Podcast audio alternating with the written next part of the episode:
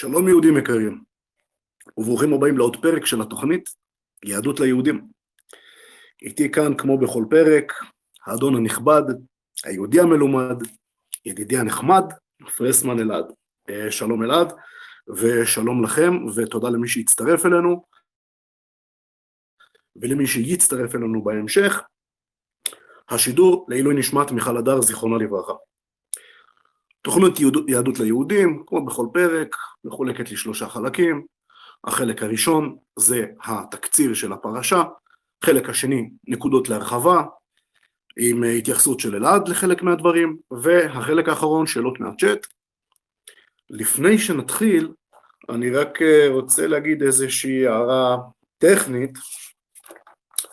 אמ, הפרק הזה יהיה טיפה ארוך מהממוצע, בדומה או בשונה משני הפרקים הקודמים, פרשת תרומה ופרשת תצווה, שהיו פרקים קצרים מהממוצע, והסיבה לכך היא שאנחנו במסגרת הזו בעצם עושים תוכניות לא לפי נושאים, אלא אנחנו עושים את זה פשוט לפי פרשת השבוע שכל עם ישראל קוראים בבית הכנסת. זאת אומרת, הקצב שלנו הוא קצב שהוא אה, לא, לא במסגרת של זמן, אלא במסגרת של נושא, כלומר של פרשה, ולכן יש פרקים שהם מעט ארוכים מהממוצע, ויש פרקים שמעט קצרים מהממוצע. אז אה, כמו שאמרתי, אה, משפטים לפני שלוש פרשיות הייתה קצת ארוכה, אחרי התרומה תצווה היו קצרות, עכשיו שוב אנחנו בפרשה שהיא יחסית ארוכה, ובשבוע הבא ועוד שבועיים, בעזרת השם, הפרקים יהיו אה, קצרים מהממוצע. אז זה ככה הערה טכנית למי ששואל, למה לפעמים פרק שעה וחצי בערך, פרק אחר יכול להיות שלוש שעות, איך זה יכול להיות? אז זה, אנחנו פשוט לא בוחרים את הנושאים, אלא אנחנו עושים לפי סדר פרשיות השבוע. אז זה משהו ככה טכני שלמי ששאל את עצמו. טוב, נתחיל בתקציר. השם אומר למשה שבשעה שהוא ימנה את בני ישראל, צריך לעשות את זה על ידי תרומה למשכן. כלומר, כל אחד מהגברים מעל גיל 20 ייתן מחצית השקל, כי אם, הם, אם הוא יספור אותם בצורה רגילה, לא בצורה של אה, תרומה, אז עלול להיות נגף, מגפה. והשם אומר למשה לעשות כיור במשכן, ממנו הכהנים ירחצו ידיהם ורגליהם. השם אומר למשה לעשות שמן משחה, שיהיה שמן מיוחד למשיכת כלי המשכן ואהרון ובניו, ולא לשום דבר אחר, ואסור לעשות במתכונתו אפילו שזה שמן משחה אחר לדבר אחר. כל דבר שראוי לכלי שרת, אם נגע בהם לאחר שקדשו בשמן המשחה נעשה קדוש. כלומר, דבר שהוא עקרונית יכול להיות בשימוש במשכן, אז גם אם זה לא היה מתוכנן, אם הוא נגע בכלי השרת, הוא בעצם לא יכול לחזור להיות דבר רגיל, דבר של חול. עוד אומר השם למשה לעשות קטורת, שהיא תוכתר במשכן, וגם כאן, בדומה לשמן המשחה, אסור לעשות במתכונתה אפילו קטורת אחרת לדבר אחר. השם אומר למשה שאת בצלאל בן אורי, יחד עם אהוליאב בן אחיסמך וחכמי לב נוספים, השם מילא אותם ברוח אלוהים, בחוכמה, בינה ודעת, לחשוב מחשבות, במתכות, באבן, בעץ, והם אלה שיעשו את כל כלי המשכן. השם אומר למשה שבני ישראל ישמרו את השבת, כי היא ברית עולם ואות בין השם לעם ישראל, שהשם ברא את העולם בשישה ימים, וביום השביעי שבת וינפש, והיא קודש להשם, לכן העונש על השבת חמור. בסוף הימים שהשם מדבר עם משה בהר סיני, השם נותן לו את שני לוחות הברית, אותם השם כתב. העם רואה שמשה מאחר מלרדת מההר, והם דורשים מאהרון שיעשה להם אלוהים שילך לפניהם. ומביאים לו את זהבם, ממנו אהרון עושה עגל. והם אומרים על העגל הזה שהוא אלוהי ישראל. כתגובה לכך, אהרון בונה מזבח ואומר שמחר יהיה חג להשם. הם משכימים בבוקר, מקריבים עליו קורבנות אוכלים, שותים ומצחקים. השם אומר למשה לרדת, כי עם ישראל שיחת, ועובד עבודה זרה, ושיניח לו לכלותם, וממך, משה, יקום עם ישראל חדש. משה מתפלל להשם שלא יכרע פה בעם ישראל, שהרי הוא הוציאה ממצרים, וגם שלא יאמרו המצרים שעם ישראל נוצח, וגם שיזכור את בריתו, את שבועתו, לאבות, שהוא נשבע להם שיעשה מבניהם עם, עם נבחר, ושהוא ינחיל אותם את ארץ ישראל. השם אכן נמנע מהרע שחשב לעשות לעם ישראל.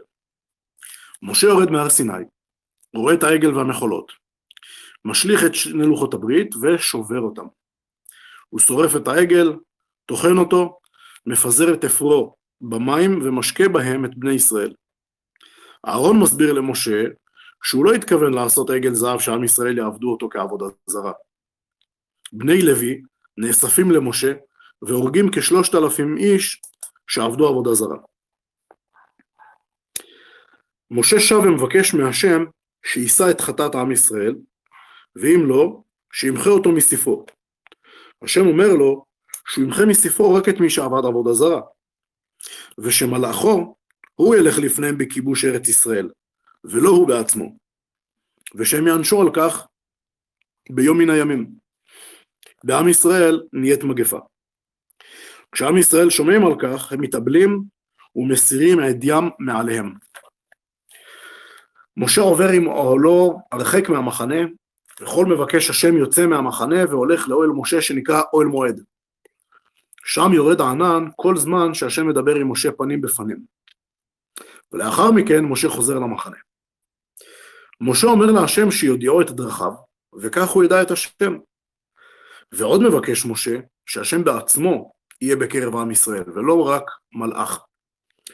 השם משיב לו שהוא לא יוכל לדעת אותו, אבל הוא כן יודיע אותו את דרכיו, ושהוא כן יהיה בעצמו בקרב עם ישראל ולא רק מלאך. השם אומר למשה לפסול שני לוחות חדשים, עליהם השם יכתוב כבראשונה, ושיעלה לבדו להר סיני.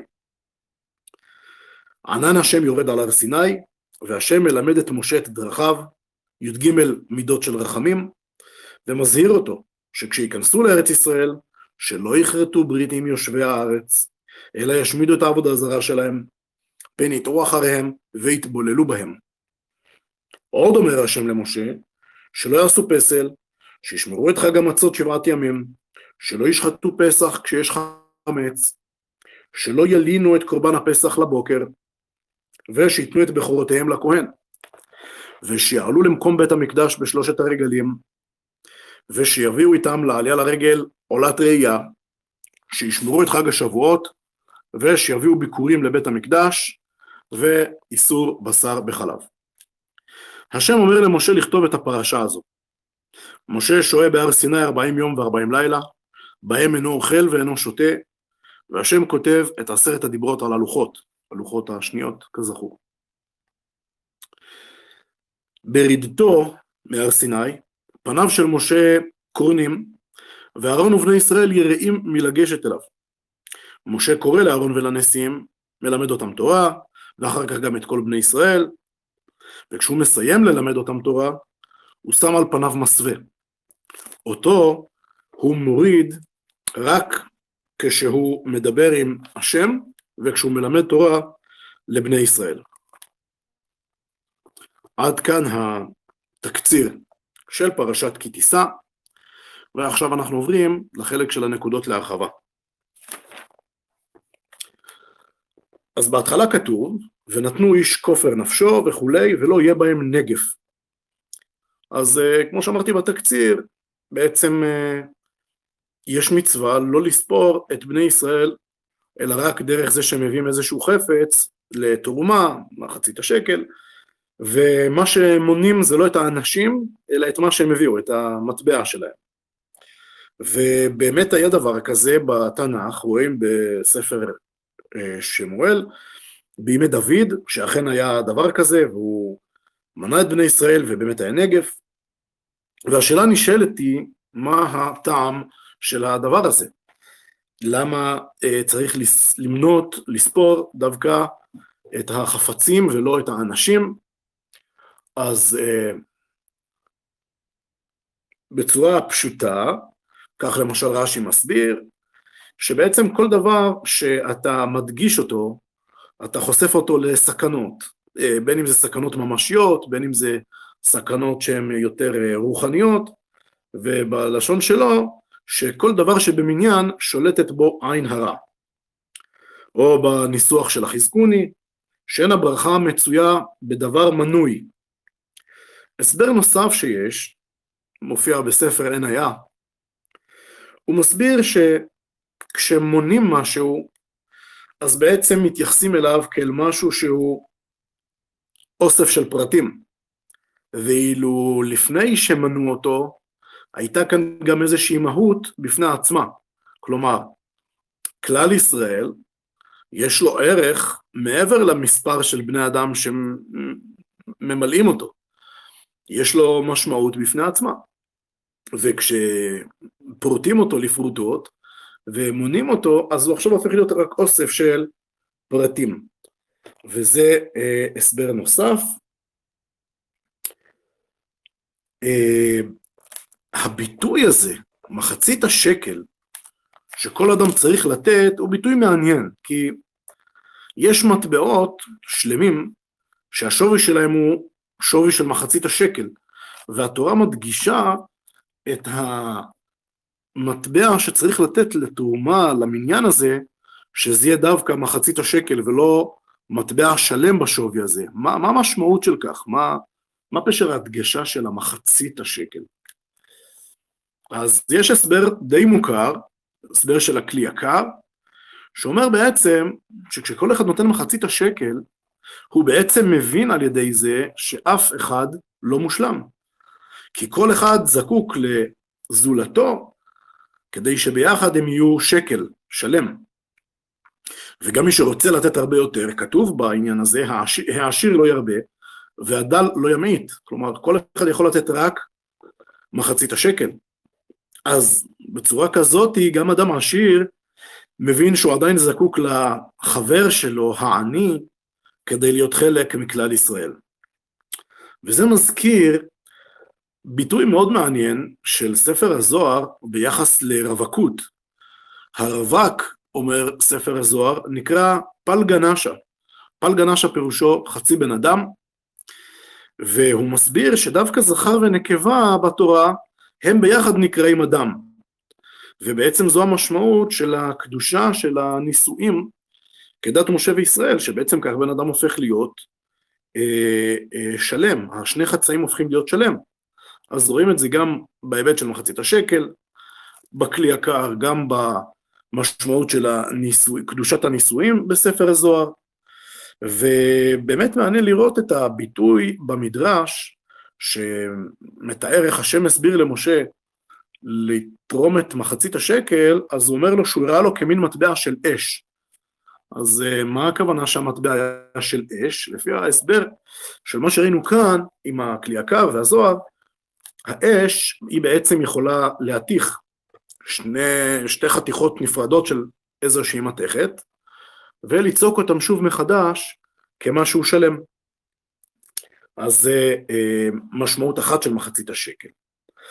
יש הסבר נוסף של מחצית השקל, שהוא בעצם, ההסבר הזה, שאני עכשיו רוצה להגיד, הוא בעצם מתייחס אל ההתחלה של הפרשה כרצף אחד עם סוף הפרשה. בסוף הפרשה יש את חטא העגל, שנדבר עליו ביתר הרחבה בהמשך, וההסבר השני שעכשיו אני רוצה להגיד, הוא בעצם רואה את הרצף הזה של מחצית השקל בפתיחה וחטא העגל בסוף כקשורים, לפחות בעקיפין, אחד בשני, מה הקשר? אז למשל אור החיים מסביר שעל ידי חטא העגל בעצם השם ובני ישראל הם נפרדו, נוצר ביניהם ריחוק. כלומר, הם נחצו לשני חצאים. אחר כך משה התפלל וזה, אבל עקרונית זה מה שקרה. נפרדה השכינה מעם ישראל, אז מחצית השקל. אה, בצורה די דומה, אבל עם הדגשה טיפה שונה, מסביר גם הכלי יקר, שהוא בעצם אומר שכשמשה, כתוצאה מחטא העגל, השליך את הלוחות, הוא בעצם שבר אותם. כלומר, השבור זה הדבר הלא שלם, השבור זה החצי. אז מחצית השקל זה בדיוק אותו עיקרון של אה, לוחות שבורים, ובעצם אה, אפשר לומר שמחצית השקל בהסבר הזה היא בעצם תיקון לחטא העגל, למרות שזה כתוב לפני, דיברנו לפני כמה שידורים על ה... האם הדברים הללו נכתבו כסדרם או לפי התוכן שלהם, בסדר. אוקיי, אה, בהמשך של הפרשה יש את התיאור של המרכיבים השונים של שמן המשחה. אני רק רוצה להזכיר את מה שאמרתי בתקציר, לפעמים קצת זה מבלבל ובאמת יש כמה רכיבים זהים. יש את התרכובת של שמן המשחה, ויש את התרכובת של קטורת הסמים. אלו שני דברים שונים, יש ביניהם חפיפה מסוימת, אה, כמו שתכף נראה, אבל רק לזכור שאלו שני דברים שונים. אז ביחס לשמן המשחה, כתוב, ואתה, ואת, ואתה קח לך בסמים ראש, מור דרור וכולי, וקינמן בסם וכולי, וקידה וכולי, ושמן זית וכולי, ועשית אותו שמן משחת קודש. אז לדברים הללו, ארבעה מרכיבים שכתובים כאן, באמת יש הרבה זיהויים מה זה בדיוק, אני אנסה לתת כאן איזשהו אה, סיכום של הזיהויים הללו. בואו נתחיל. אז מורדרו, לפי אחת הדעות, זו הבלוטה של צבי המוסק, נקרא בלועזית מוסקוס מוסכתמוס. זה הסבר של הרמב"ם, הסבר אחר שזה צמח, כך כותב אבן עזרא, והסבר נוסף זה של רמב"ן, שמדובר בשמן צמחי במרקם צמיגי, שנקרא בפרסית אינמרנו, ביוונית סמירנה, בלטינית מירה, ובערבית ליר או מור. אוקיי, ביחס לקינמן, או כמו שהיום אה, הוגים את זה, קינמון, אז רמב"ם כותב שזה מה שנקרא בערבית קליפת סליחה בערבית, ורמב"ן כותב שזה לא קליפה של הסליחה, אלא זה עשב, שנקרא בערבית אדבר, ובלטינית אשכיננט. אז זה הזיהוי של הקינמן. ביחס לקנה בושם, אני רק אזכיר שבשידור הקודם אלעד אה, הביא את הטענה שהקנה בושם זה קנאביס, והוא אמר שזה לא נכון, ואחר כך הוא הוסיף גם שבעצם זה איזשהו רצון להציג את עבודת המקדש, עבודת האלוהים של היהודים בתקופת המקרא, ככזאת שמבוססת על סמים, כלומר על אה, איזשהו ערפול אה, הכרתי, ואלעד בעצם אמר שזה לא נכון, ואלה פולחנים של תרבויות כנעניות, אבל לא של עם ישראל, ואני בצ'אט שלחתי את המאמר של פרופסור זוהר עמר בעניין הזה בדיוק, שאומר בדיוק את מה שאלעד אמר, אז מי שלא איתנו שבוע שעבר חזרתי על זה ממש בקצרה, אם אלעד, ירצה לחזור על זה אחר כך שוב, אז הוא כמובן יכול לבחור אה, מה שהוא רוצה. אני מזכיר את זה ממש בקצרה, כי אני יודע שזה ככה, אה, לא יודע, טענה נפוצה. אה, אוקיי, אז מה זה הכן הקנה בושם הזה? אז הרמב"ם כתב, הזיהוי של הרמב"ם זה שמדובר בגבעולים דקים, שהם באים מהודו, יש להם ריח טוב, ודעה נוספת שיש, היא בעצם מייחסת את הצמח הזה לעץ שנקרא קנילה, קנילה. אוקיי. אמ, מה עוד יש לנו פה? כן, הצמח האחרון, מה שנקרא קידה. אמ, הקידה היא בעצם נקראת אה, בארמית ובערבית קציעה, וכך באמת חז"ל כותבים בתלמוד, שעקידה זה מה שנקרא קציעה, ומבחינת הזיהוי שלה, מה זה מכונה היום, אז הרבה שיערו שזה הקליפה של העץ שנקרא בלטינית קסיה, או ביתר דיוק קינמומום קסיה, וככה זה גם בתרגום היווני של התורה. אמ, דעה נוספת יש, שזה צמח שנקרא בלטינית אגלקום, ודעה נוספת של רס"ג ורד"ק, שזה מה שנקרא בערבית ענבר, מה שנקרא באנגלית ובשפות אירופיות נוספות אמבר, כלומר אה, שרף של עצים מחטיים או מחטניים שהשרף שלהם מתקשה, ככה זה בעצם נקרא, וזיהוי נוסף ואחרון ביחס לקידה זה הזיהוי של הדרישה, ספר הדרישה, שהוא בעצם כותב שזה מה שנקרא בארמית ובפרסית זנגוויל, או בשפות האירופאיות ג'ינג'ר, או בגרמנית אינגבר. אוקיי, איזשהו סיכום של הזיהויים של שמן המשחה. וראינו גם ביחס לשמן המשחה, וגם בהמשך ביחס לקטורת הסמים, כתוב שאסור לעשות באותו אה, מתכונת גם לדברים אחרים, אני כרגע את הביטוי של הפסוק, ובמתכונתו לא תעשו כמוהו קודש הוא. גם אה, ביחס לסממני הקטורת כתוב בדיוק את אותו דבר. למה אי אפשר להשתמש בנוסחה הזאת, במתכונת הזאת, בתרכובת הזאת, אם עושים אחת אחרת לדברים של חול? אז אה, גם ספר החינוך וגם הרמב"ם במורה נבוכים מסבירים שכשיש משהו שרק המלכים והכוהנים משתמשים בו, אז זה בעצם הופך להיות, נחשב, לדבר שהוא יקר, לדבר שהוא חשוב, והם כותבים על זה איזשהו מין עיקרון פסיכולוגי כזה, אני אקרא לכם אותו, כי גודל ערך הדברים בלב רוב בני האדם הוא לפי מיעוט הימצאם אצלם, הימצאו אצלם.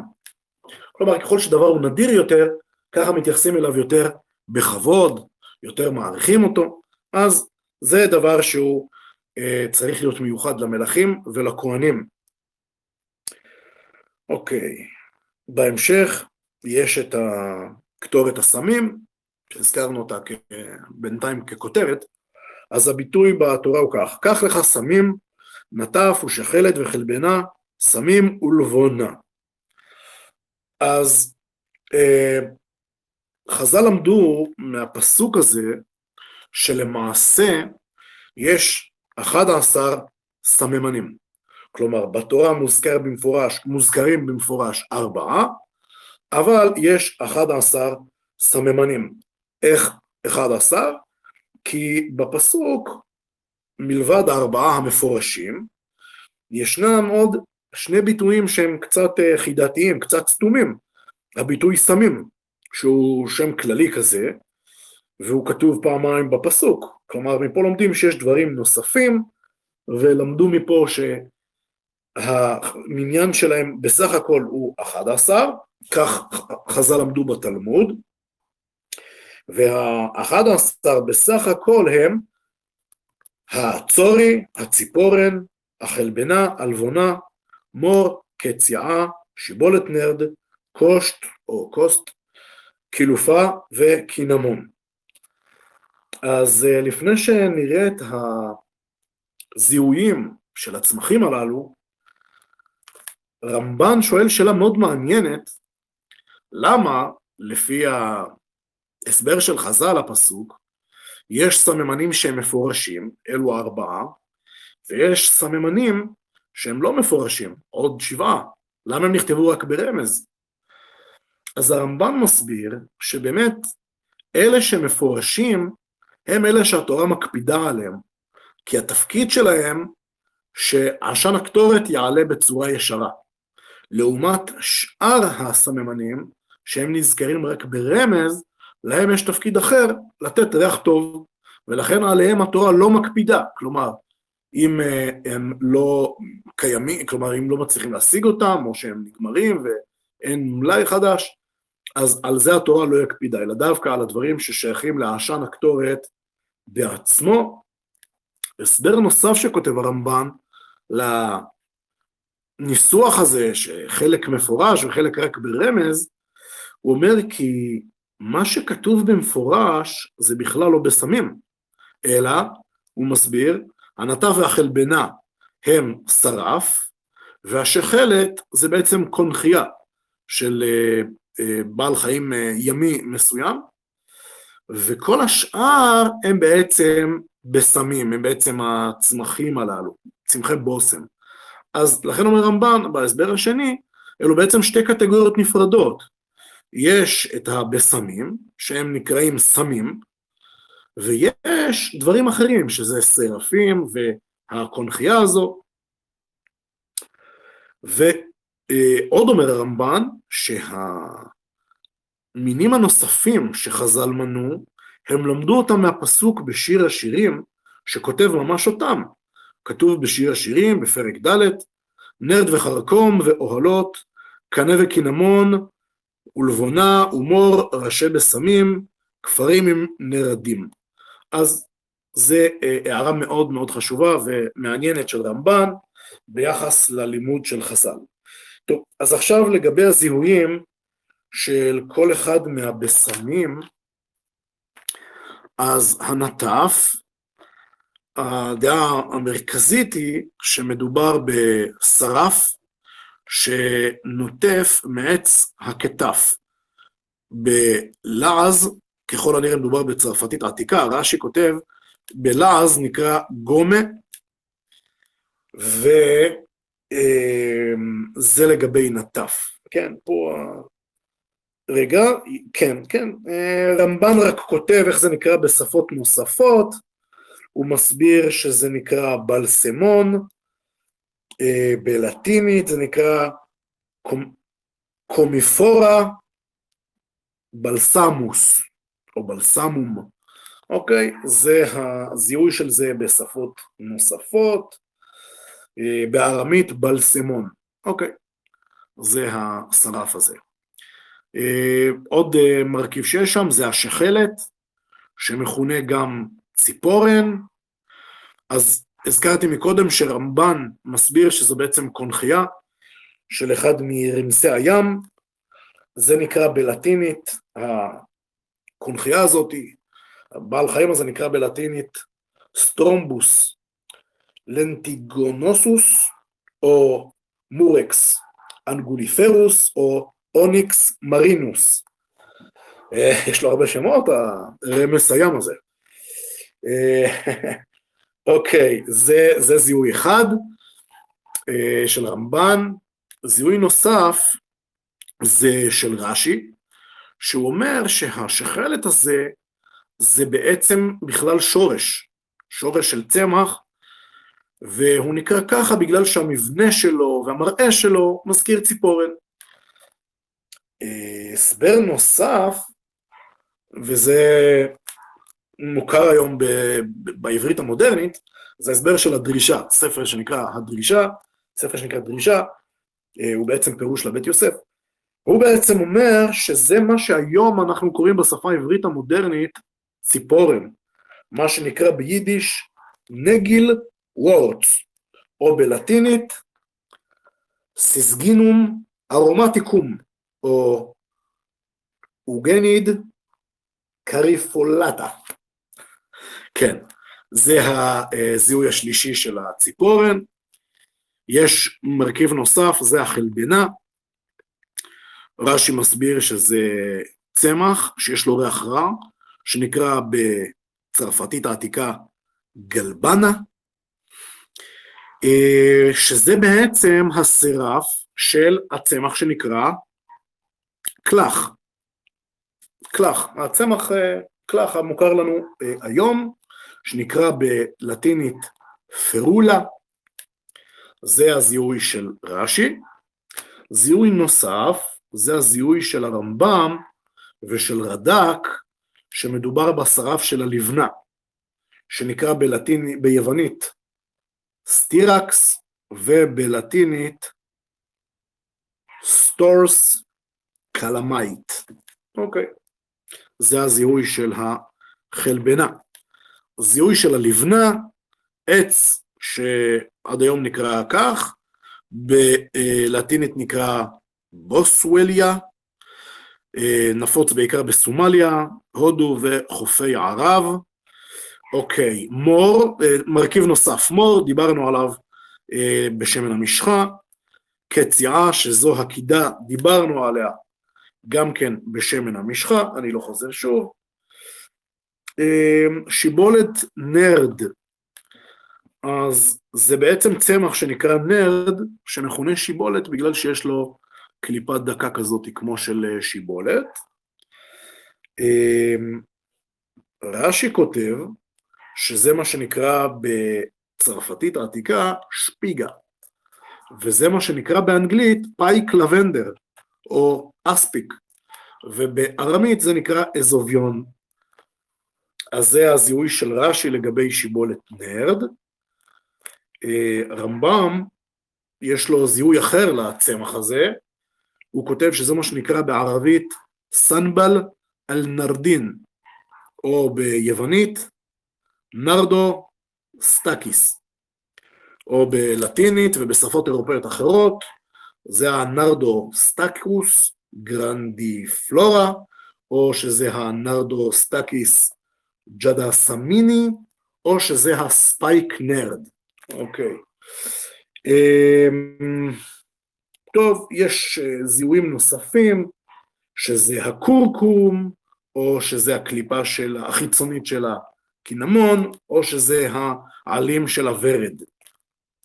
טוב, מרכיב נוסף הוא הקרקום, היום נהגה כקורקום, ורמב"ם מפרש שזה זעפרן, רש"י כותב שזה קרוג אוריינטל, כלומר קורקום מזרחי, כלומר זן מסוים של הקורקום. הרמב"ם כותב שזה הזעפרן, רש"י כותב שזה הקורקום המזרחי. אה, מרכיב נוסף, הקילופה, הזכרתי אותה מקודם, שזה בעצם ה... מה שרמב"ם אומר, הקליפה של הצמח הזה, והזכרתי נדמה לי גם uh, זיהוי נוסף, שזה עץ הקנילה, כן, בהחלט. אלו שתי הדעות, הזכרתי, לא חוזר על זה. זה בעצם, אוקיי, כן. ומרכיב אחרון של קטורת הסמים, זה הקינמון. אז יש שרואים את הקינמון ואת הקילופה כבעצם חלקים שונים של אותו צמח, שהזכרתי מקודם, אבל רס"ג והרמב"ם כותבים שזה עוד אלטיב, כלומר עץ הבושם, מה שנקרא בלטינית אלוקסילון אגולוכו או אקווילוריה אגלו-חלה, אה, כן, זה השם, ורמב"ן מזהה שזה גבעולים עם ריח טוב שנקראים בערבית הדהר ובלטינית פלוקה דה מסה, מה שנקרא באנגלית בימינו קאמל גראס, או בלטינית סימפובוגון סכונטסוס. אוקיי. אוקיי, אז אלו היו הזיהויים של קטורת הסמים, ואנחנו ממשיכים לנקודה הבאה בפרשה. אז כתוב ביחס לבצלאל, ועמלה אותו בחוכמה ובתבונה, ובדעת ובכל מלאכה לחשוב מחשבות וכולי. מה זה כל ההגדרות השונות הללו, חוכמה, תבונה, דעת, מה, כל מלאכה, לחשוב מחשבות, מה זה לחשוב מחשבות? כולנו חושבים מחשבות, מה מיוחד בבצלאל? מה זה כל התנאים האלה, מה, מה בדיוק יש פה? אז רש"י מסביר שההבדל בין חוכמה, בינה ודעת זה שחוכמה זה שאתה לומד פשוט מאחרים, תבונה זה כשאתה מתוך מה שכבר למדת, אתה יודע כבר להוציא דברים חדשים, ודעת זו רוח הקודש. ולגבי הלחשוב מחשבות, הוא מתכוון שזה בעצם בפעולת הריגה לעשות אותה מעשה חושב. מעשה חושב זה אומר, למשל, היכולת אה, בעצם ל... אה, הייתי אומר, להצליח לארוג צורה מסוימת בצד אחד של הריג, ובצד השני ייראה משהו אחר. אוקיי, אה, הסבר נוסף, ההסבר של רבי אברהם בן עזרא, הוא מסביר את החוכמה, בינה ודעת כאזורים שונים במוח. ככה הוא אומר. הוא אומר שחוכמה זה בעצם החלק האחורי של המוח, שהוא בעצם תופס את הצורות, ואילו הבינה זה החלק במוח האמצעי, והדעת זה בעצם החלק הקדמי של המוח, והמשמעות של הדבר היא, כך מסביר רבי אברהם בן עזרא, שבצלאל הוא ידע את כל החוכמות, כך הוא כותב, חשבון, מידות, ערכים, מלאכת שמיים, חוכמת התולדות וסוד הנשמה. טוב, כל אחד מהדברים שהוא אמר פה צריך קצת לפענח, אבל זה ההסבר שלו לדברים המיוחדים בבצלאל. הסבר נוסף של רמב"ן, הוא בעצם אומר שהפסוק מתאר כך את בצלאל, כי זה באמת דבר פלא שנמצא בעם ישראל אומן מומחה. למה זה פלא? מה, אנחנו לא אינטליגנטים? הוא אומר, אינטליגנטים, אבל עם ישראל מאות שנים עבדו בפרך במצרים, בחומר ובלבנים. ולכן זה לא מובן מאליו שיש שם אומן מומחה שכזה, בפרט מציין הרמב"ן, שהוא היה חכם גדול בכל. כסף, זהב, אבן, עץ, חושב, הורג, רוקם, אומר רמב"ן, כל אחת מהן מצריכה מיומנות, מצריכה אה, כלים אחרים, הוא היה מומחה בכל. זה באמת דבר מיוחד במינו. ומוסיף הרמב"ן שהוא גם הבין את סוד המשכן וכל כליו, למה צובו ואל מה ירמוזו. שאלו דברים שדיברנו עליהם בפרשת תרומה, מי שהיה איתנו, מה המשכן רומז, למה הכלים שלו רומזים, אז אומר רמב"ן שכמובן שבצלאל, שצריך ליישם את כל הדברים הללו, היה חייב להבין למה הדברים הללו מכוונים, כדי שבאמת הדברים שהוא עושה יהיו בעלי משמעות. אז הביטוי חכם לב הסברנו בשידור הקודם, העניין של את שבתותיי תשמורו, אה, בשידורים הקודמים דיברנו על זה, לא חוזר על זה שוב. אוקיי, בהמשך כתוב, שני לוחות העדות, לוחות אבן, כתובים באצבע אלוהים. השאלה הנשאלת היא, אוקיי, אנחנו יודעים שבמסורת היהודית לאלוהים אין גוף, אבל מה זה אומר שהם כתובים באצבע אלוהים? אז בצורה פשוטה, רבי אברהם בן עזר מסביר שבן אדם שכותב, הוא כותב על ידי אצבע, כלומר, לא אוחזים בעט או בקולמוס בכל היד, אלא באצבע, אצבע כוונה שתיים, שלוש אצבעות, וזה המשמעות של אצבע אלוהים. אה, הסבר נוסף זה בעצם ההסבר של מהר"ם אלשיך, שהוא בעצם אמר שהפסוק אומר מצד אחד לוחות אבן, ומצד שני אצבע אלוהים. והוא רצה בעצם להגיד שהשני לוחות הברית הם היו דבר מיוחד, שמצד אחד הם היו אבן, מצד שני, שני הם היו אצבע אלוהים. כלומר, הם היו חפץ שהיה מצד אחד חומרי, אבן, אבל כי משה הביא אבן, אבל מצד שני הם היו גם רוחני, דבר רוחני, כי נכתבו באצבע אלוהים. אז זה מה שהמשמעות רצתה ללמד אותנו. הסבר נוסף של הבכור שור, אומר שכתובים באצבע אלוהים, זה אומר שהם לא כתובים בכתיבת אנוש שיכולה להימחק או להישחק, אלא הם, זה כתב שאינו נמחק לעולם, והוא רצה בזה לרמז לעם ישראל שהתורה של העם היהודי לא תתבטא לעולם. בהמשך, ה, אה, בהמשך הפרשה מתחיל העניין הגדול, המפורסם, העניין של חטא העגל. אז העניין מתחיל בביטוי שהעם רואה כי בושש משה לרדת מן ההר. מפה הכל התחיל. שהם ראו שהוא בושש, כלומר הוא מאחר מלרדת מן ההר. כזכור, משה עולה להר סיני להביא את שני לוחות הברית. והוא אה, נשאר שם 40 יום ו-40 לילה, לומד תורה מהשם, אנחנו נדבר על זה יותר בהמשך. אבל הכל התחיל מזה שהוא בושש לרדת, הוא איחר. איחר, תכף נראה לפי מי בדיוק הוא איחר, אבל מה היה הסיפור שם? מה קרה בדיוק? איך הטעות הזאת נוצרה? אז יש הסבר מפורסם של חז"ל בתלמוד, רש"י מביא את ההסבר הזה, שמשה אמר להם, אני בא, חוזר, יורד מן ההר, אחרי ארבעים יום. וכשהוא אמר ארבעים יום, הוא התכוון ליממה שלמה, יום ולילה. אבל הם חשבו שהיום שהוא עלה להר, שזה לא היה בתחילת היום, זה היה באמצע היום, הם חשבו שהיום הזה הוא מן המניין. כלומר, משה התכוון 40 יום שלמים, יום ולילה, חוץ מהיום הראשון שהוא באמצעו עלה להר, ואילו בני ישראל חשבו שהיום הראשון הזה, שהוא לא היה יום שלם, אלא הוא היה מאמצע היום, הם חשבו שזה כבר נחשב היום הראשון. אז היה בעצם פער של יום. יום שבהם הם שאלו את עצמם למה משה לא בא, ומשה לא חשב שיש איזושהי בעיה, כי הוא אמר להם שהוא יבוא אחרי 40 יום, והוא התכוון 40 יום שלמים. זה הסבר של אה, רש"י, על פי התלמוד.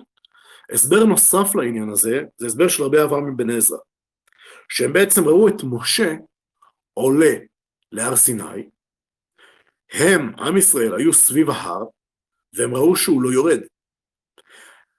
וממשיך להסביר רבי אברהם בן עזרא, הם ראו שבהר סיני לא יורד מן, לא יורד מן, בהר עצמו לא יורד, יורד מתחת להר, אבל מסביב להר, אבל בהר עצמו לא יורד מן, והם ראו שהוא לא לקח איתו שום צידה. והם אמרו לעצמם, אין שום בן אדם שיכול 40 יום לא לאכול ולא לשתות ולהישאר חי. ובהר סיני לא יורד מן, והוא לא לקח איתו צידה, אז איך יכול להיות שהוא עדיין חי? מפה התחילה הבעיה לפי רבי אברהם מבן עזר. טוב, לפני שנמשיך למה בדיוק קרה שם בחטא העגל, אה, נדבר רגע בקצרה מה זה הדבר הזה שבעצם היו, אה, שבעצם היו בזמן שמשה שהה בהר היה 40 יום. למה דווקא 40 יום? אז ההסבר של אור החיים, הסבר מאוד מעניין, הוא בעצם אומר שקודם כל אתה יכול ללמוד מהדבר הזה על הגדלות של התורה. למה? כי התורה מציינת במפורש שהעולם נברא בשישה ימים. והיא גם מציינת במפורש שמשה למד תורה 40 יום ו-40 לילה. אז כשאתה מסתכל על התורה ברצף אחד מבראשית ועד כי תישא, אתה בעצם מבין שהתורה היא דבר שיותר גדול אפילו מבריאת העולם, כי התורה היא 40 יום ובריאת העולם היא שישה ימים.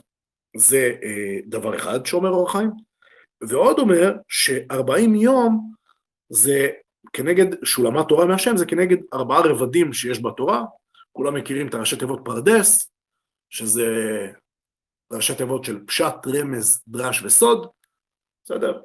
ובעצם זה ארבעה רבדים, שבכל רובד יש בעצם עשר דרגות של קדושה, מה שמכונה גם עשר ספירות, אז אומר אור החיים, אפשר לראות את התורה בכל הרבדים שלה, בכל העומקים שלה, כבעלת ארבעים אה, היבטים או ארבעים דרגות, ארבעים דרגות, כן, זה, זה הגדרה טובה.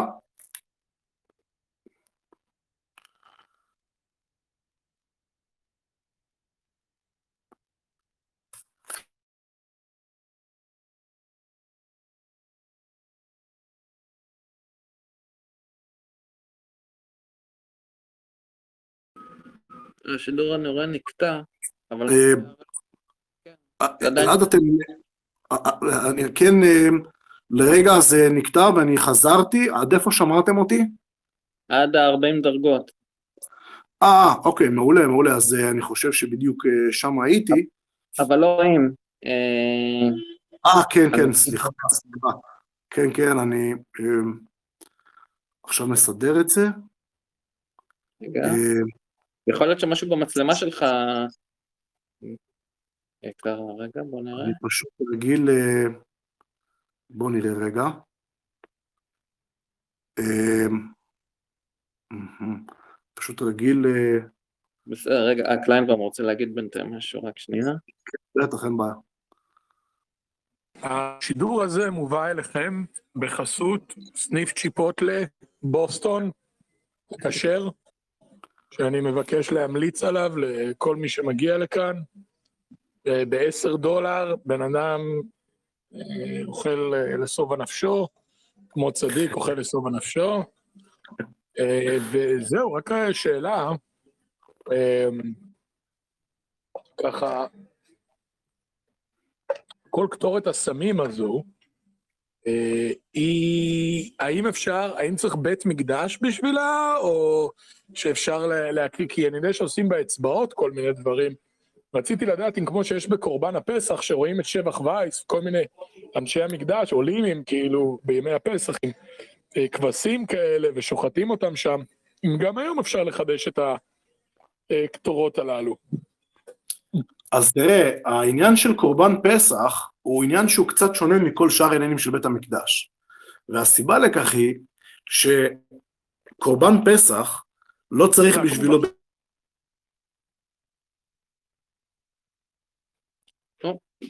הלו? עוד פעם, הקליטה אה, נקטעה. כן, הרב בדיוק דיבר על שקורבן פסח הוא שונה.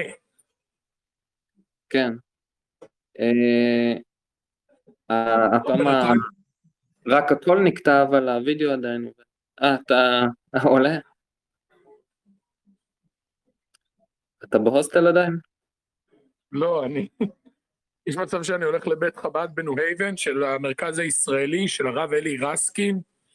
אני רוצה גם להמליץ עליו בחום. כל החבר'ה האלה משלמים לנו, אני... יש כל מיני קבוצות שמנסות לבקר את אה, קונספיל, אז אולי הם ירשמו מי עושה עסקים עם קונספיל, מה, מה, עומד. מה עומד מאחורי המרכז, המרכז הישראלי בניו הייבן, ש... יאיר קליינבאום יתארח, מי באמת הרב אלי רסקין? יש מנהרות כן. מתחת להוסטל של של קליינבאום. אה, סליחה. אה, זהו, אנחנו פה בבוסטון, האמת, היה, בית חב"ד ממש פה, והאמת שהקונסוליה הישראלית היא ברחוב הזה. היה פה ממש אה, בית חב"ד. אגב, אה, צ'יפות, למי שלא יודע, יש להם הרבה אופציות כשרות, זה למה אני אוהב אותם. זה המקום. מאוד נחמד. אה, כן. ואיך אי אפשר בלי פרסומת נוספת לקפה נחלה אדום, קפה ערבי, מתי, מתי אתה הצטרפת לשידור? אה, שש דקות לתוך השידור. כן, אני אה, גם, אני, אני פתחתי, עשיתי את ההקלטה, אבל בדיוק חזרתי מה... מה- מהאירוע אני שהיה רואה ב- שהרב- שהרב הנסתר אה, נראה לי בשידור, לא? הרב הנסתר? לא, אני רואה שהמצלמה שלו, הנה עכשיו הוא הצטרף שוב, הוא פשוט הצטרף מחדש, ועכשיו הנה. אה, שומעים אותך, הרב?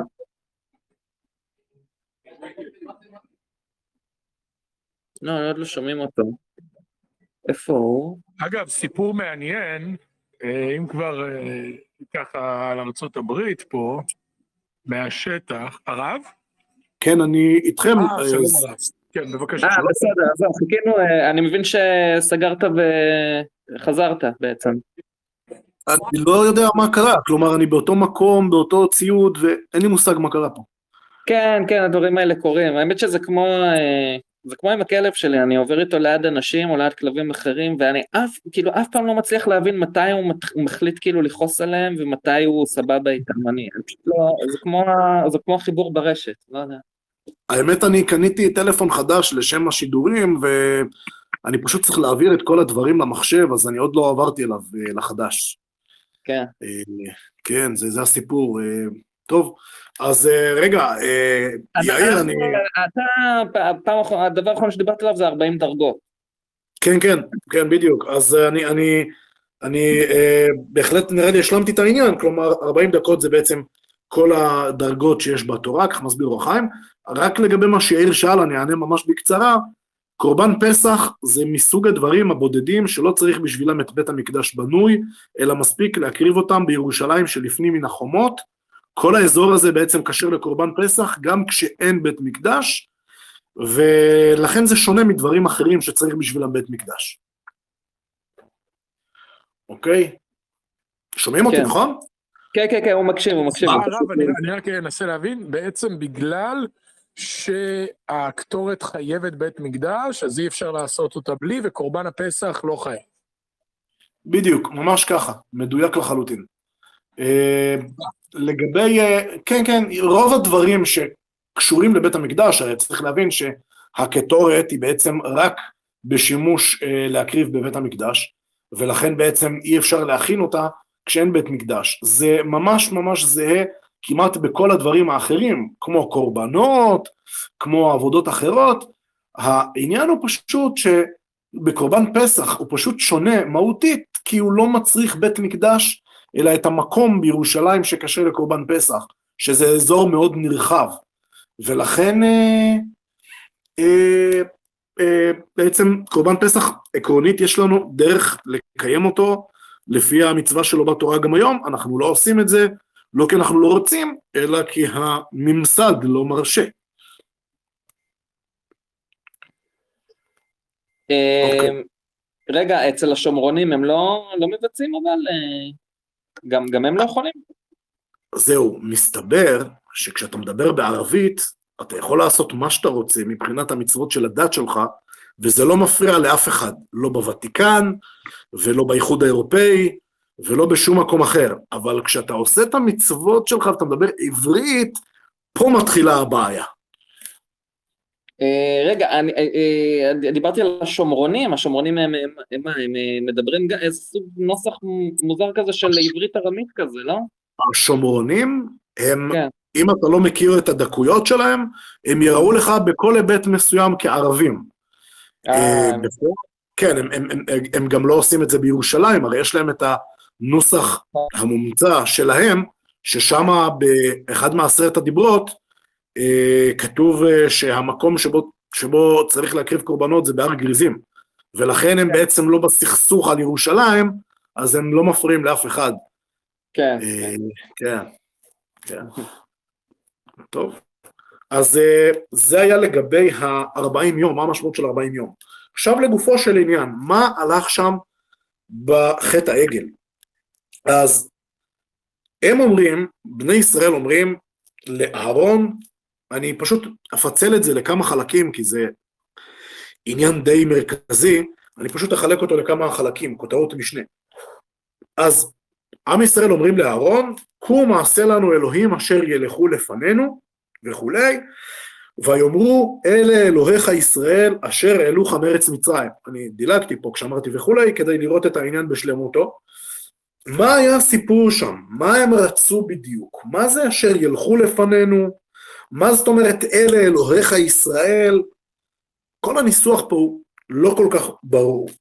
והסוגיה הזאת היא סוגיה באמת אה, חידתית וקשה, כמו שמציין הכלי יקר, שזאת פרשה שהיא קשה, קשה להבינה, קשה, קשה לקרוא את פשט הפסוקים ולהבין את הסיפור המלא.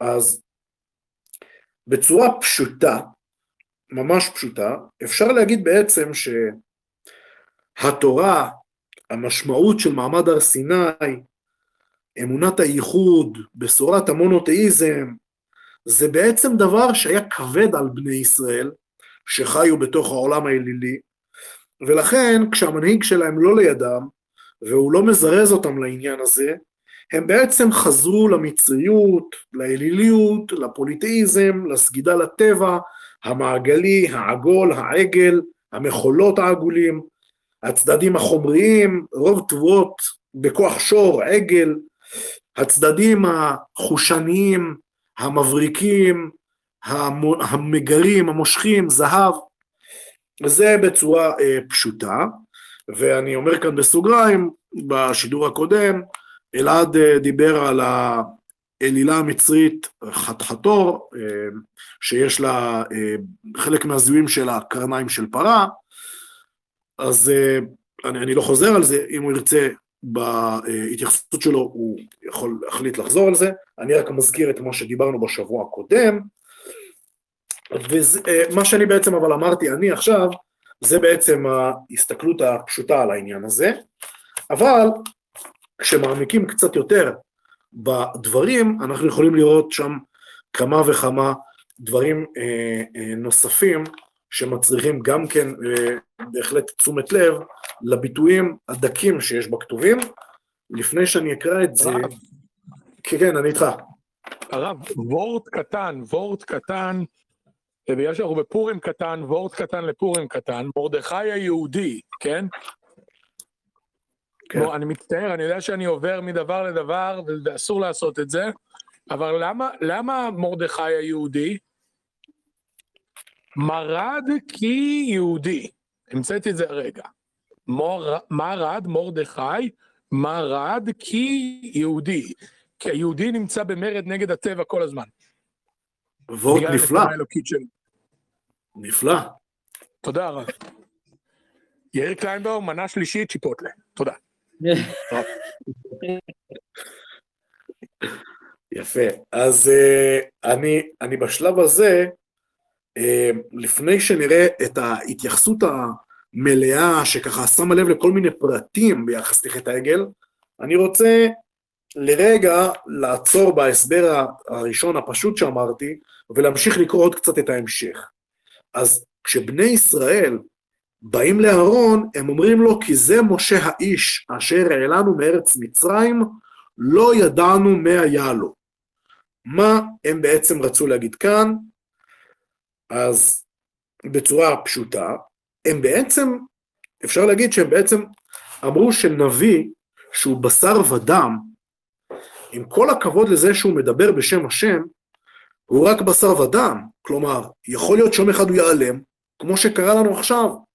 ולכן מה שאנחנו רוצים זה שהמנהיג שלנו לא יהיה בשר ודם, אלא יהיה משהו חומרי אה, דומם, משהו, חפץ דומם, שהוא בעצם יהיה משהו קבוע. כלומר, יש פה בעצם איזשהו רצון להתקבע באיזושהי תפיסה, בעצם להגדיר איזשהו משהו קונקרטי, והקונקרטי הוא כביכול נותן לך איזשהו רוגע, איזושהי שלמות אה, בתפיסה הרוחנית שלך. זה, זה מה שאפשר להגיד בפשטות. אה, תכף אה, נאריך בזה קצת יותר, ככה בצורה שתשים לב יותר לפרטים, אני רק אומר בינתיים בצורה פשוטה, ובהמשך, כשהם הולכים לאהרון, הם אומרים לו, ויקרא לעם על אהרון, ויאמרו קום מעשה לנו אלוהים, ויאמר עליהם אהרון, פרקו נזמי הזהב וכולי, והביאו אליי וכולי, ויקח מידם וכולי, ויעשהו עגל מסכה וכולי, וירא אהרון ויבן מזבח לפניו, ויקרא אהרון ויאמר חג להשם מחר. אז כשאנחנו קוראים את הפסוקים הללו, עולה כאן שאלה, שאלה מאוד uh, מפורסמת, שאלה מאוד uh, uh, uh, יוקדת, איך יכול להיות שהרון, למרות שהוא לא יזם את זה, למרות שהוא לא רצה את זה, אבל בסופו של דבר איך יכול להיות שהוא שיתף פעולה עם זה? אז גם כאן, לפני שנראה את ההסברים המעמיקים שמתייחסים לפרטים ומחברים את ההתחלה של הסיפור עם הסוף של הסיפור, אני רק רוצה להגיד קודם כל עיקרון בתנ"ך. בתנ"ך גיבורי הספר, מושאי הסיפור, הם מתוארים בדייקנות נטולת סופרלטיבים. התנ"ך מתאר גם את הצדיקים והקדושים ביותר כמות שהיו, ואם יש להם חיסרון, מתארים אותם בדייקנות עם חסרונותיהם. בין אם זה עם ישראל, בין אם זה אהרון, בין אם זה משה, ובין אם זה אחר כך, שמשון, שאול, דוד, שלמה, ועוד הרבה דמויות מוכרות. ואני אומר את זה כי אולי אה, היהודים העיקרים ביהדות ליהודים זה נראה להם מובן מאליו, אבל כשמשווים את זה לסטנדרטים של דתות אחרות, למשל החקייניות המוצהרות של התנ"ך, הן מתארות את הגיבורים שלהם ממש כמושלמים אה, כמעט על-אנושיים. טוב, בנצרות זה לא כמעט, זה באמת על-אנושי. ומהבחינה הזאתי, זה כמין משהו שהוא הפוך על הפוך. כלומר, דווקא התנ"ך שהוא כאילו מדייק בלי יותר מדי אה, אה, תיאורים אה, מגזימים ו- ו- ו- ומייפים ומתחנפים, דווקא הוא, בסופו של דבר כשמסתכלים עליו בתקופה מאוחרת יותר, תקופה שבה בעצם ההומניזם וביקורת המקרא התחילו להיות משהו שמקובל בחברה, אז אנחנו יכולים לראות בצורה, באופן הפוך על הפוך, איך דווקא ההגזמה בספרים של חקייני התנ"ך, הם רק מעידים כמה שהספר שלהם הוא ניסיון לעשות משהו יותר טוב מהמקור. ואילו המקור מצטייר כמשהו שהוא מאוד אותנטי, משהו שהוא מאוד אמיתי. ובהקשר הזה אני אצטט את דבריו של אה, חכם אומות העולם, אה, ניטשה, שכתב בספרו מעבר לטוב ורע, אני שלחתי את זה בתגובות לשידור הקודם, אני מצטט לכם כך: בברית הישנה היהודית, זה ספר הצדק האלוהי, מצויים אנשים, דברים ונאומים בסגנון גדול כל כך, שאין כלום בספרות יוון והודו שיוכל להידמות אליו. אתה ניצב באימה וביראת כבוד בפני שרידים אדירים אלה של מה שהאדם היווה פעם. הצמדת הברית החדשה לברית הישנה להיותם ספר אחד, ייתכן וזהו מעשה החוצפה הגדול ביותר, וחטא כלפי הרוח הכבד ביותר מכל מה שמעיק על מצפונה של אירופה הספרותית. אני רק חייב רגע להדגיש, אתה הקראת את זה מתוך ספר שלו, נו.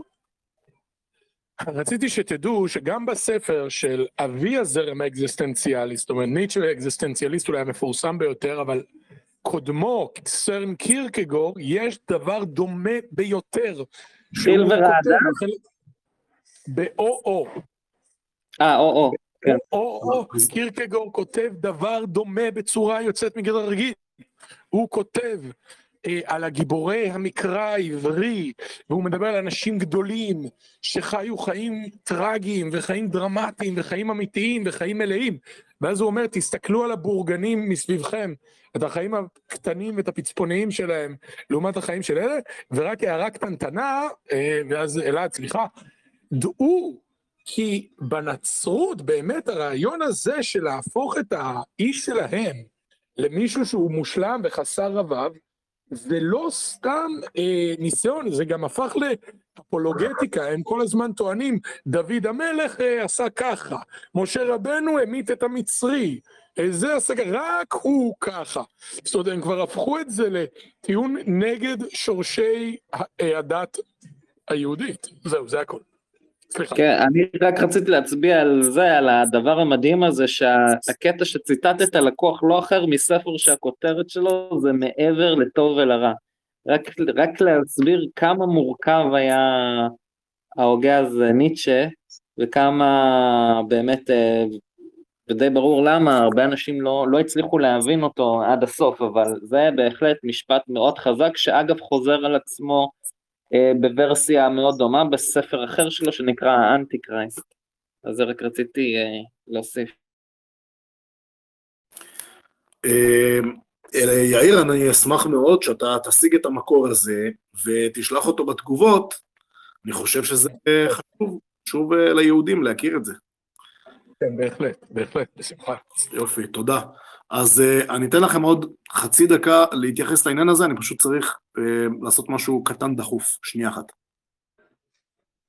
כן, אז uh, אני בינתיים אהיה פה עם קליינבאום, והאמת, uh, השאלה שעלתה לי פה בזמן הקריאה, האמת שאלה ממש פשוטה, וממש שאלת טעם, uh, העניין הזה של חטא העגל, הרי uh, משה מקבל את עשרת הדיברות, וכתוב שם לא תעשה לך פסל, ואז הוא יורד ואז הם ראו ש... אה, אה, ואז הוא רואה שהם אה, עשו את חטא העגל, ואז הוא מתעצבן. אה, העניין הוא שהוא בדיוק יורד כדי לספר להם, אני מעריך, מה, מה כתוב ב- בעשרת הדיברות, והוא רואה שהם עוברים על הדיבר הראשון, אז אני, כאילו אני מבין את הכעס שלו, אבל הוא עדיין לא סיפר להם מה כתוב שם, אז אני לא יודע, אני... יכול להיות שאני מבלבל פה כרונולוגית כמה דברים, אבל זו שאלה שעלתה לי. פה שאלה עמוקה. כן, לא יודע, אני... אה, אבל מה שכן. באנגלית, רציתי שתשים לב אם אתה כבר בארצות הברית, הרי הדבר הראשון שמשה עושה, אז כשהוא רואה, הוא שובר את לוחות הברית. ובעצם באנגלית זה נורא מעניין שאומרים על מישהו שעבר על החוק, אומרים he broke the law, breaking the law, שזה בעצם הראשון לעשות את זה היה משה. Mm. תראה, יש פה חידוש, לדעתי, אני לא שמעתי מפרשים ששואלים את השאלה הזאת, הרי תמיד בתורה כתוב למה אה, אה, עשו ככה וככה וככה, למה שמעון ולוי עשו ככה ליוסף, למה תמר ואמנון ככה וככה, כי לא הייתה להם תורה הרי, זה הדיבור, נכון? מתן תורה הגיע רק מאוחר יותר, למה יצחק עשה ככה, למה יעקב עשה, כי עדיין לא מתן תורה. אה, אז נכון, נכון. לכאורה- אז לכאורה, הדבר הזה, תראה, למה זה לא מסוגל לפתוח דלת, נראה לי.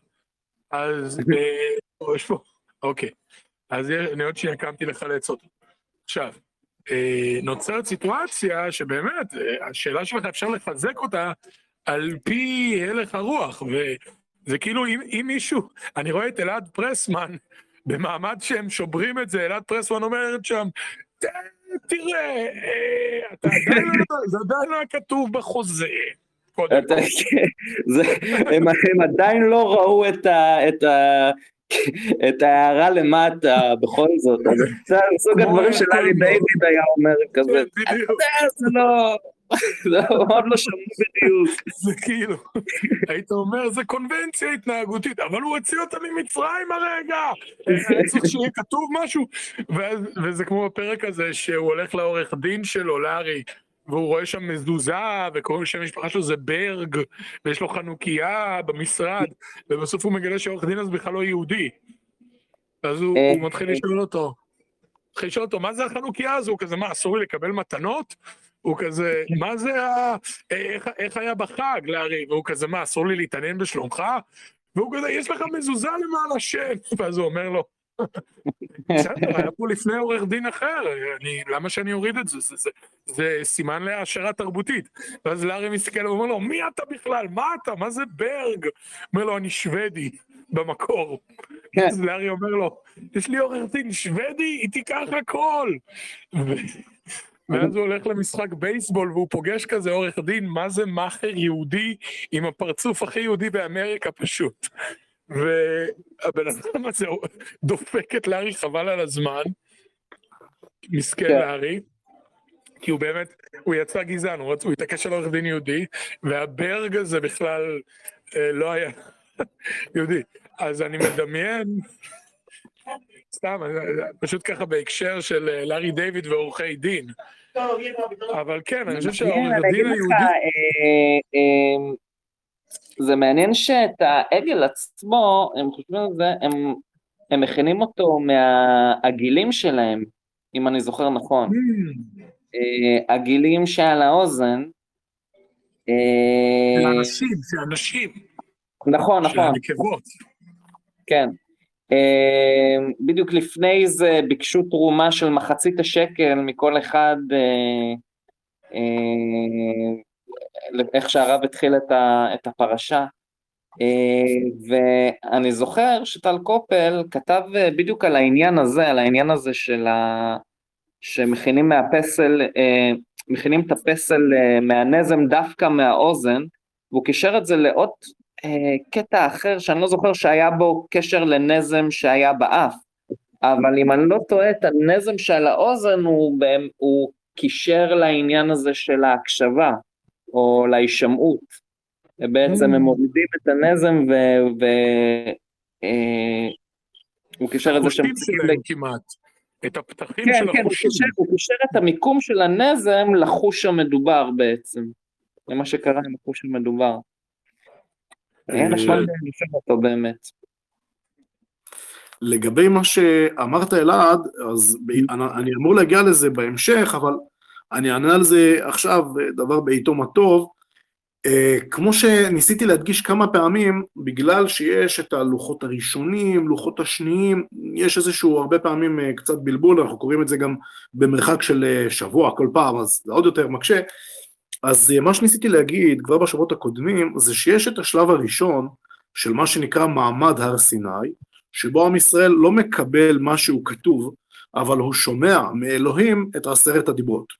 מאוחר יותר, משה מביא את אותם עשר הדיברות בכתב, זה הלוחות הראשונים, ובעקבות חטא העגל הוא מביא אותם שוב בלוחות השניים, כך שבעצם בעלייה של משה להביא את לוחות הברית, עם ישראל צריכים לקיים את ה... לא תעשה לך פסל, תמונת כל סמל, הם צריכים לעשות את זה מכוח מה שהם שמעו במעמד הר סיני עם אלוהים בעצמו, עוד לפני כן. שזה בא אליהם כתוב.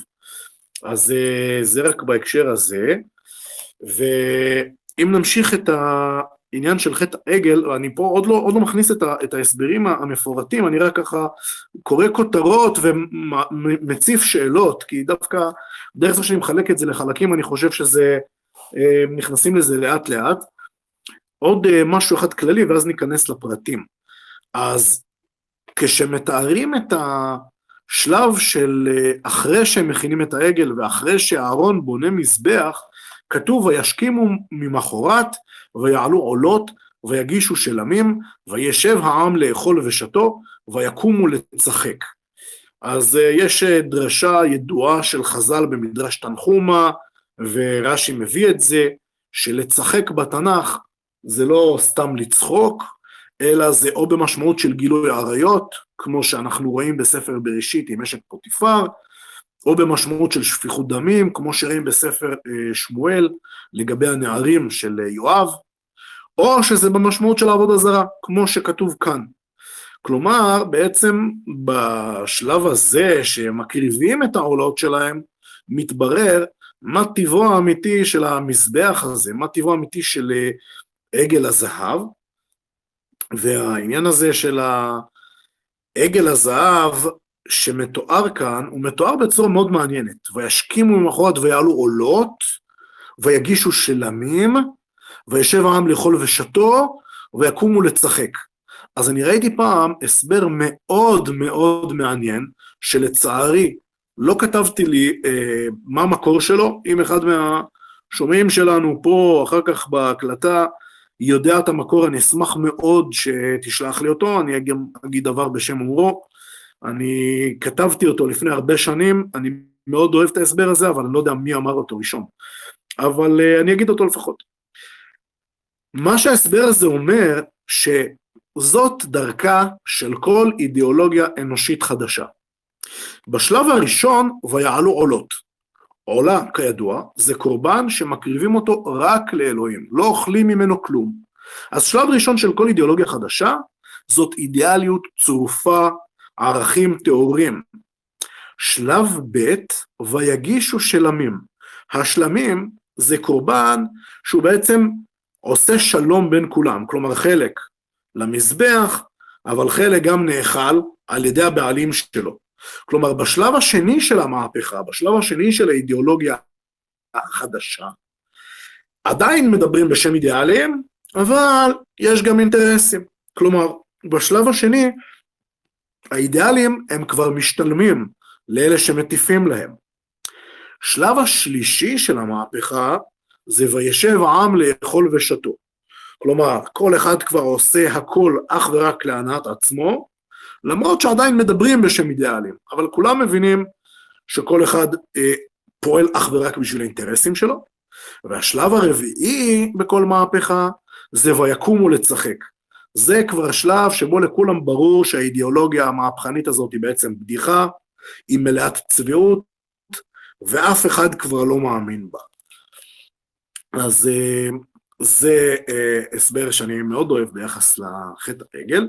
ועכשיו אנחנו עוברים להסבר המפורט לנושא המרכזי של הפרשה, מה בדיוק הלך שם בחטא העגל.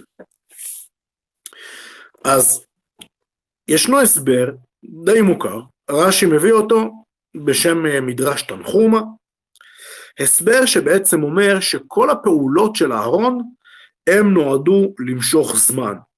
כלומר, הוא אומר להם בהתחלה, תביאו לי את הנזמים שבאוזניים, זה דבר בעצם שלוקח זמן לאסוף אותו, אלא שהם פשוט הזדרזו.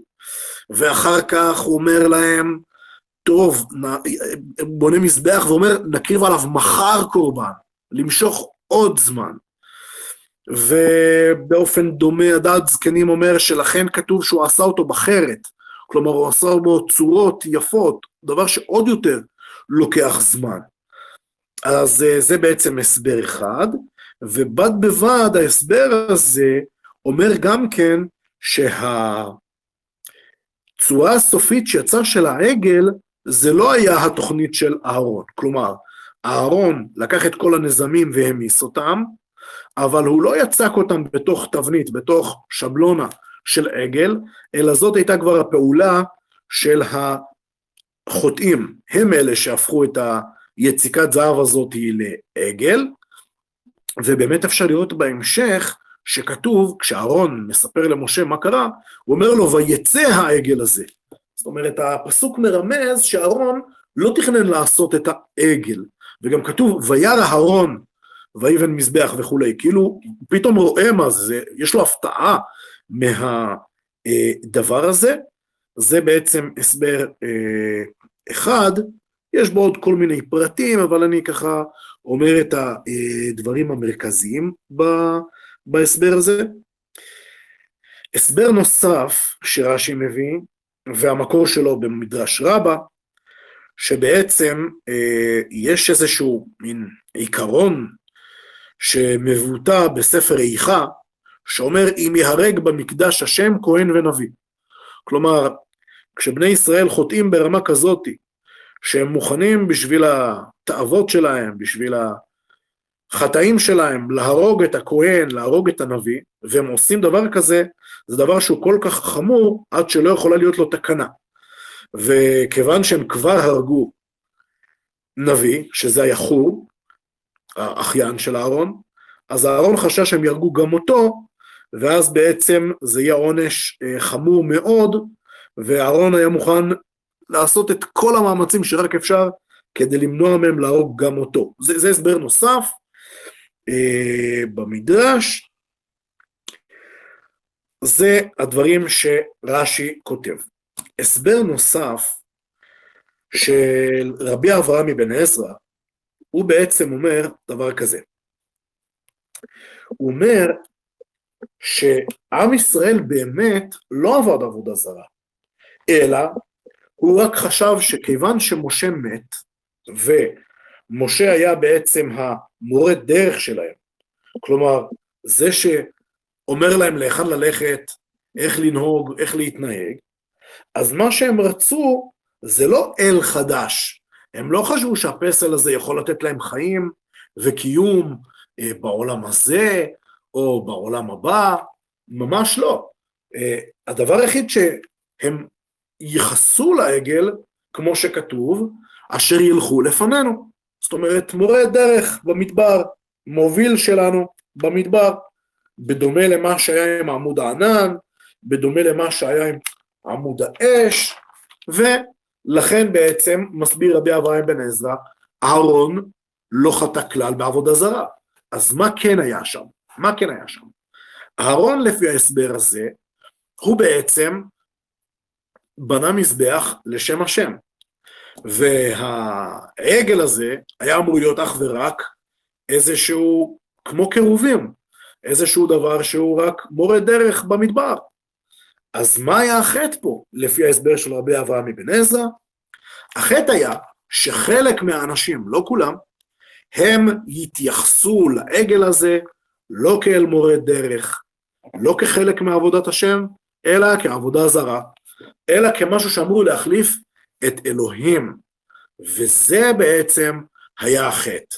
אבל הוא היה חטא, כמו שמדגיש רבי אברהם אבן עזרא, של קבוצה קטנה מאוד, שלושת אלפים איש, רבי אברהם בן עזרא עושה חישוב מהיר ואומר שזה היה אך ורק חצי אחוז, חצי אחוז מעם ישראל הם אלה שעשו את ה... התכוונו לשם עבודה זרה, כל אשר לא התכוונו לשם עבודה זרה. זה בעצם ההסבר שלו, ובצורה ממש דומה כותב גם רמב"ן, וכותב גם ספר הכוזרי, אני אולי אקרא אה, טיפה מהכוזרי, אה, שמוסיף קצת, אז הוא אומר בעצם שכל התרבויות בתקופה העתיקה הייתה, היו עובדים לתמונה מסוימת, לאיזשהו ביטוי מוחשי של האמונה שלהם. וכך גם בני ישראל שיצאו מהמדבר, היה, שיצאו ממצרים למדבר, היה להם משהו קונקרטי, היה להם את עמוד הענן ואת עמוד האש ואת הקירובים.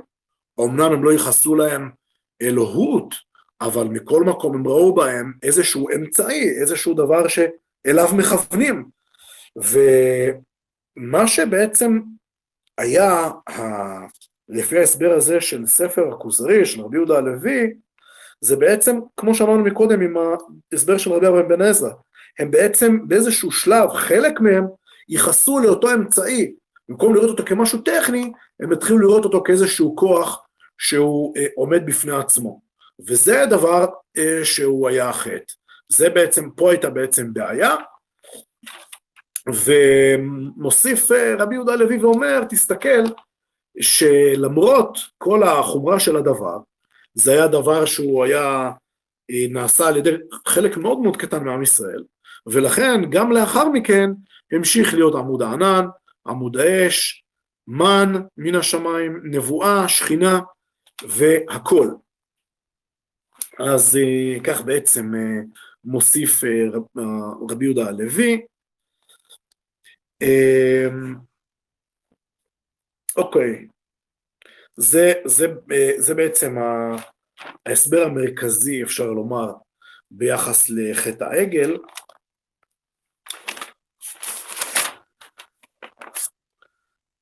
אוקיי, אז לאחר שהדבר הזה קורה, אנחנו מכירים את הביטוי המפורסם שהשם אומר שעם ישראל הוא עם קשה עורף. מה זה עם קשה עורף? בצורה פשוטה, אה, אנשים שהם אה, סרבנים, עקשנים, שלא לא מוכנים לקבל מרות, לא, לא מוכנים לשמוע בקול השם. זה, זה, זה הסבר הפשוט. אבל צורה מאוד מעניינת, הרבה ספרים מסבירים את הצד החיובי שיש בעם קשה עורף. אני אקרא לכם חלק מהם. למשל, הטור בפירושו הארוך, מסביר שבזכות זה שעם ישראל הוא עם קשה עורף, הם מסוגלים ברמה קולקטיבית לשאת על צווארם עול מצוות. אמ, הסבר נוסף זה שהם לא מאמינים בשום דבר, אלא רק לאחר עמל וטורח, ואפילו בדבר קל, וכל שכן באמונת הדת, אבל לאחר שאמונתם הוכחה והתקבעה אצלם, הם לא יסורו ממנה בשום אופן, ואפילו ימסרו עליה את נפשם. כך כותב רלב"ג בשם אביו, כך כותב גם רבי צדוק הכהן מלובלין, כך כותב הבן איש חי בספר אדרת אליהו, ככה כותב גם השם משמואל, שאם אני אסכם את כל הספרים הללו, הכיוון שלהם הוא אחד. עם קשה עורף, זה אומר שאולי הם לא משתכנעים בקלות, אבל אחרי שהם משתכנעים, הם מוכנים להתאמץ הרבה מאוד בשביל האמונה שלהם, הם מוכנים לעשות הכל בשביל האמונה שלהם, בשביל הערכים שלהם. אז זה, זה היבט נוסף מאוד חשוב בתכונה הזאת של הקשי עורף. אה, בהמשך, כשהשם מדבר עם משה על המשמעות החריפה של חטא העגל, הוא אומר לו, ועתה הניחה לי, ואיחר אפי בהם, ואכלם ואסחה אותך לגוי גדול. כופרים שונים בהיסטוריה, במיוחד דתות השקר, החקייניות המוצהרות של התורה, של היהדות, הם רצו מכאן להוכיח את השיטה שלהם. שתמצית השיטה שלהם אומרת, כשעם ישראל חוטא, אלוהים יכול להחליף אותו בעם אחר. מה שנקרא אצלם עקרון ההחלפה. לא לבלבל עם תיאוריית ההחלפה הגדולה. סגור סוגריים. ובכן, ביחס לטענה הזאת, דבר ראשון, מכאן דווקא מוכח ההפך, כי אנחנו רואים שזאת הייתה ההצעה של השם, אבל בפועל היא נדחתה. והדחייה הזאת היא לא איזשהו דבר אנקדוטלי. הדחייה הזאת של הרעיון של להחליף את עם ישראל אם הוא חוטא, זה בניין אב לכל ההיסטוריה. ואיך אני יודע שזה נכון, מה שאני אומר עכשיו? בגלל שבכל התנ"ך אפשר לראות איך שעם ישראל חוטא בעבודה זרה. והשם מוכיח אותם על ידי התוכחות של הנביאים, והם אפילו נענשים על כך. אף פעם הוא לא מחליף אותם בעם אחר. יש את הפסוק המפורסם בספר דברים, ואף גם זאת, בהיותם בארץ אויביהם, לא מאסתים ולא געלתים לכלותם, להפר בריתי איתם. אבל מי שמסתכל על התנ"ך, יש לעיקרון הזה, אני לא יודע, עשרות, אולי אפילו מאות, מקורות שמדברים בדיוק על אותו דבר. אני אקרא לכם רק כמה כדי לא להאריך מדי, יש לי, יש לי פה הרבה. אני אקרא לכם למשל מישעיה. כי ההרים ימושו והגבעות תמותנה, וחסדי מאיתך לא ימוש, וברית שלומי לא תימות, אמר מרחמך השם.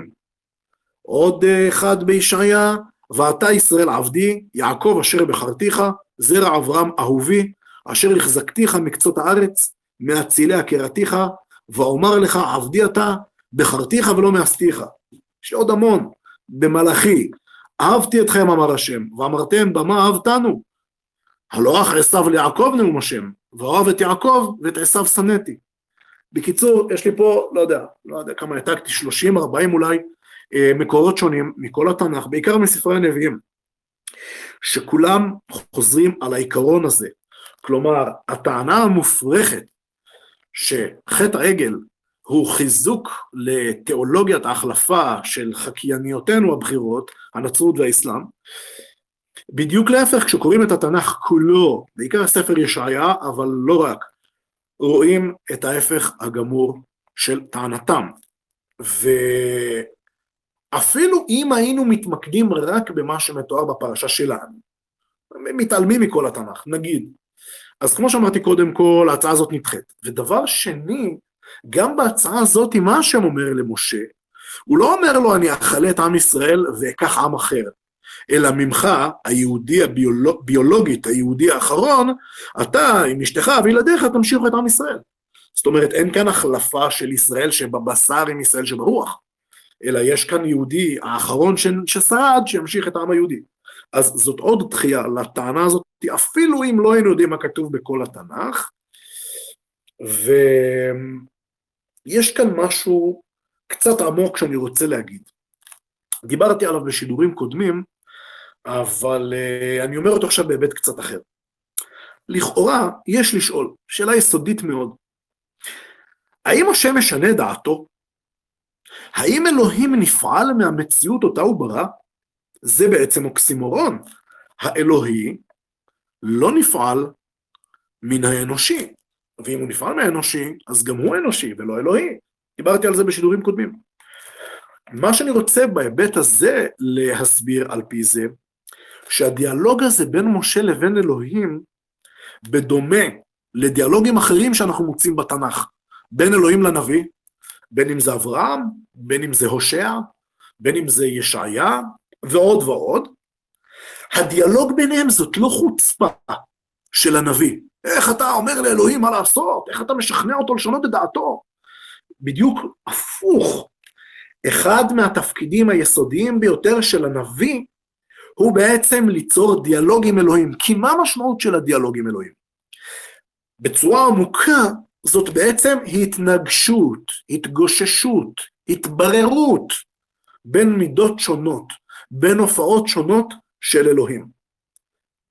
אני אסביר את זה דרך הניסוח של רמח"ל, למשל, בספר דעת תבונות, למשל.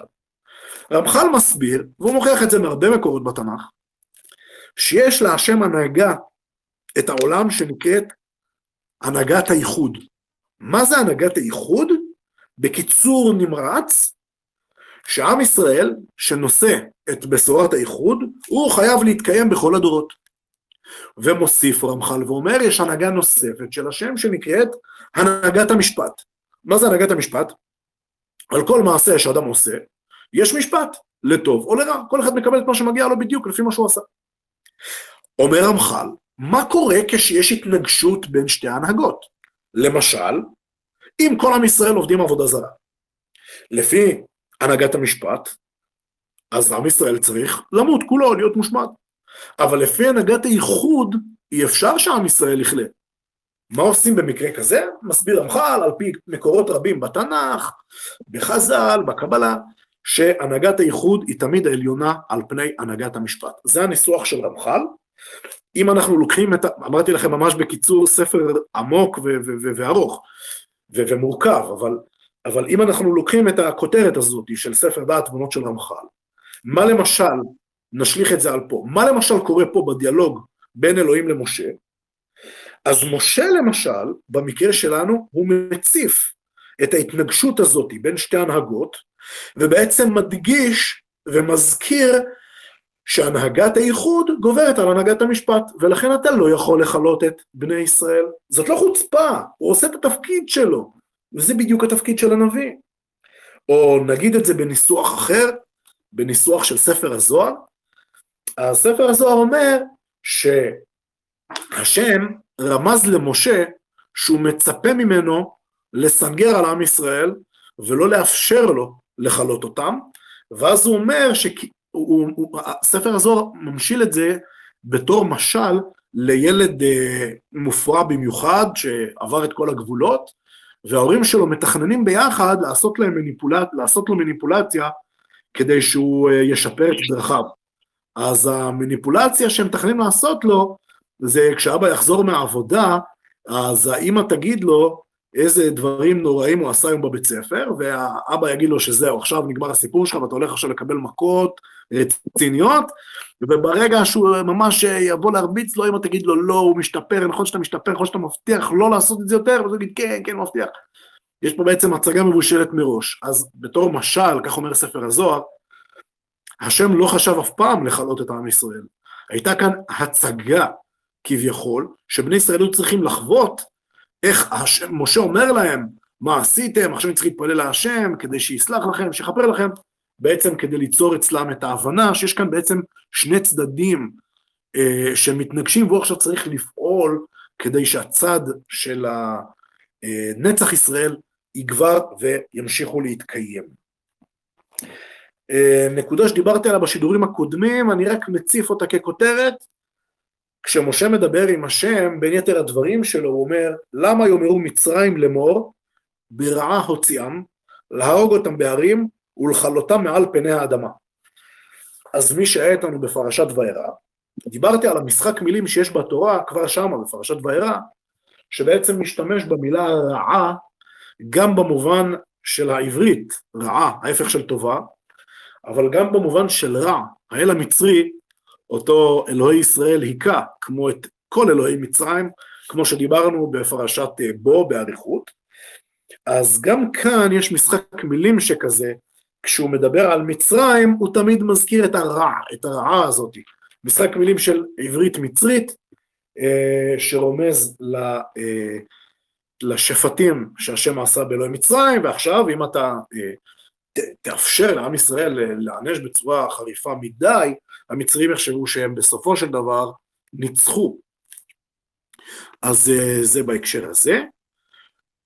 אמ, משה משליך מידיו את הלוחות, אני אקרא את הפסוק, וירא את העגל ומחולות, ויחרף משה, וישלך מידיו את הלוחות, וישבר אותם תחת ההר. שאלה מפורסמת מאוד, איך משה, על דעת עצמו, לכאורה, שובר את הלוחות שאלוהים הביא לו, כאילו, מה? אז אה, הסבר אחד, אה, מפורסם יחסית, זה הסבר של התלמוד, שרש"י מביא אותו, שבעצם אומר שאי אפשר לתת תורה כשעם ישראל עובד עבודה זרה. כלומר, הנחת מוצא הכי בסיסית זה שיש ברית בין עם ישראל לבין השם, ועם ישראל מסכים לקבל תורה, ואז אפשר להביא לו תורה, אבל אם עובד עבודה זרה, את, ה, את נותן התורה אפילו אתה לא מקבל, אז איך את התורה שלו אתה בעצם אה, תקבל, ויש אה, ניסוח שהוא מאוד חריף במקום אחר בתלמוד, שמצביע על התזמון של חטא העגל. חטא העגל הוא הרי התבצע ברגע שהשם כתב את עשרת הדיברות לעם ישראל. וחז"ל מתארים את זה בביטוי הבא, עלובה קלה שמזנה תחת חופתה. כלומר, איזה עלוב זה שאישה לא בוגדת בבעלה לאחר אה, תקופת מה, אלא תוך כדי החופה הולכים לחפש באולם איפה היא ומוצאים אותה עם מישהו אחר. איזה, איזה סיטואציה עלובה, אומר התלמוד. כך הוא ממשיל בעצם את זה שבזמן החופה, בזמן כתיבת ה... שני לוחות הברית, כתיבת הכתובה כביכול, בין עם ישראל לבין השם, בדיוק אז כורך את העגל, בעצם אה, מאורע מאוד מאוד טרגי. אה, מה שרבי אברהם אבן עזרא מסביר, זה שבעצם מה, שמס, מה שמשה עשה, זה דומה לאדם שיש לו שטר חוב. אה, חוזה שהוא חייב למישהו כסף, וברגע שמשמידים את שטר החוב, אי אפשר כבר לתבוע כסף מהלווה. כך גם עשה משה. ברגע שהוא שבר את הלוחות, אז הוא בעצם כביכול מחליש את חומרת המעשה, אבל מוסיף רבי אברהם בן עזרא שזה היה גם בכוונה לעיני כל ישראל, הוא בעצם רצה לעשות משהו שהוא דרמטי, משהו שהוא אה, ישפיע אה, לדורות. אה, הסבר נוסף שיש לשבירת הלוחות, זה בעצם הסבר של הכלי יקר.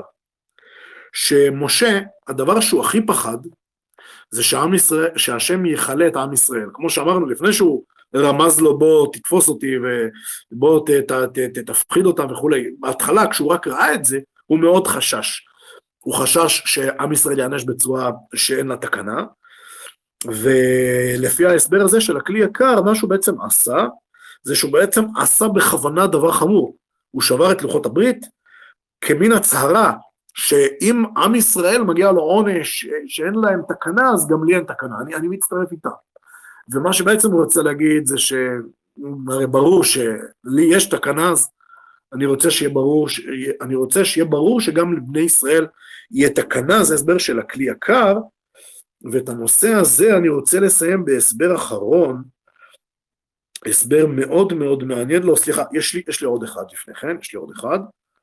אמ, הסבר מעניין, רשב"ם, על פי מדרש פרקד רבי אליעזר, מסביר שמרוב הצער של משה, הוא פשוט נחלש גופנית, וההשלכה של הלוחות הייתה בעצם אה, אה, כתוצאה מחולשת הגוף, שהוא כבר לא מסוגל לשאת את זה, ולכן הוא השליך אותם מעליו,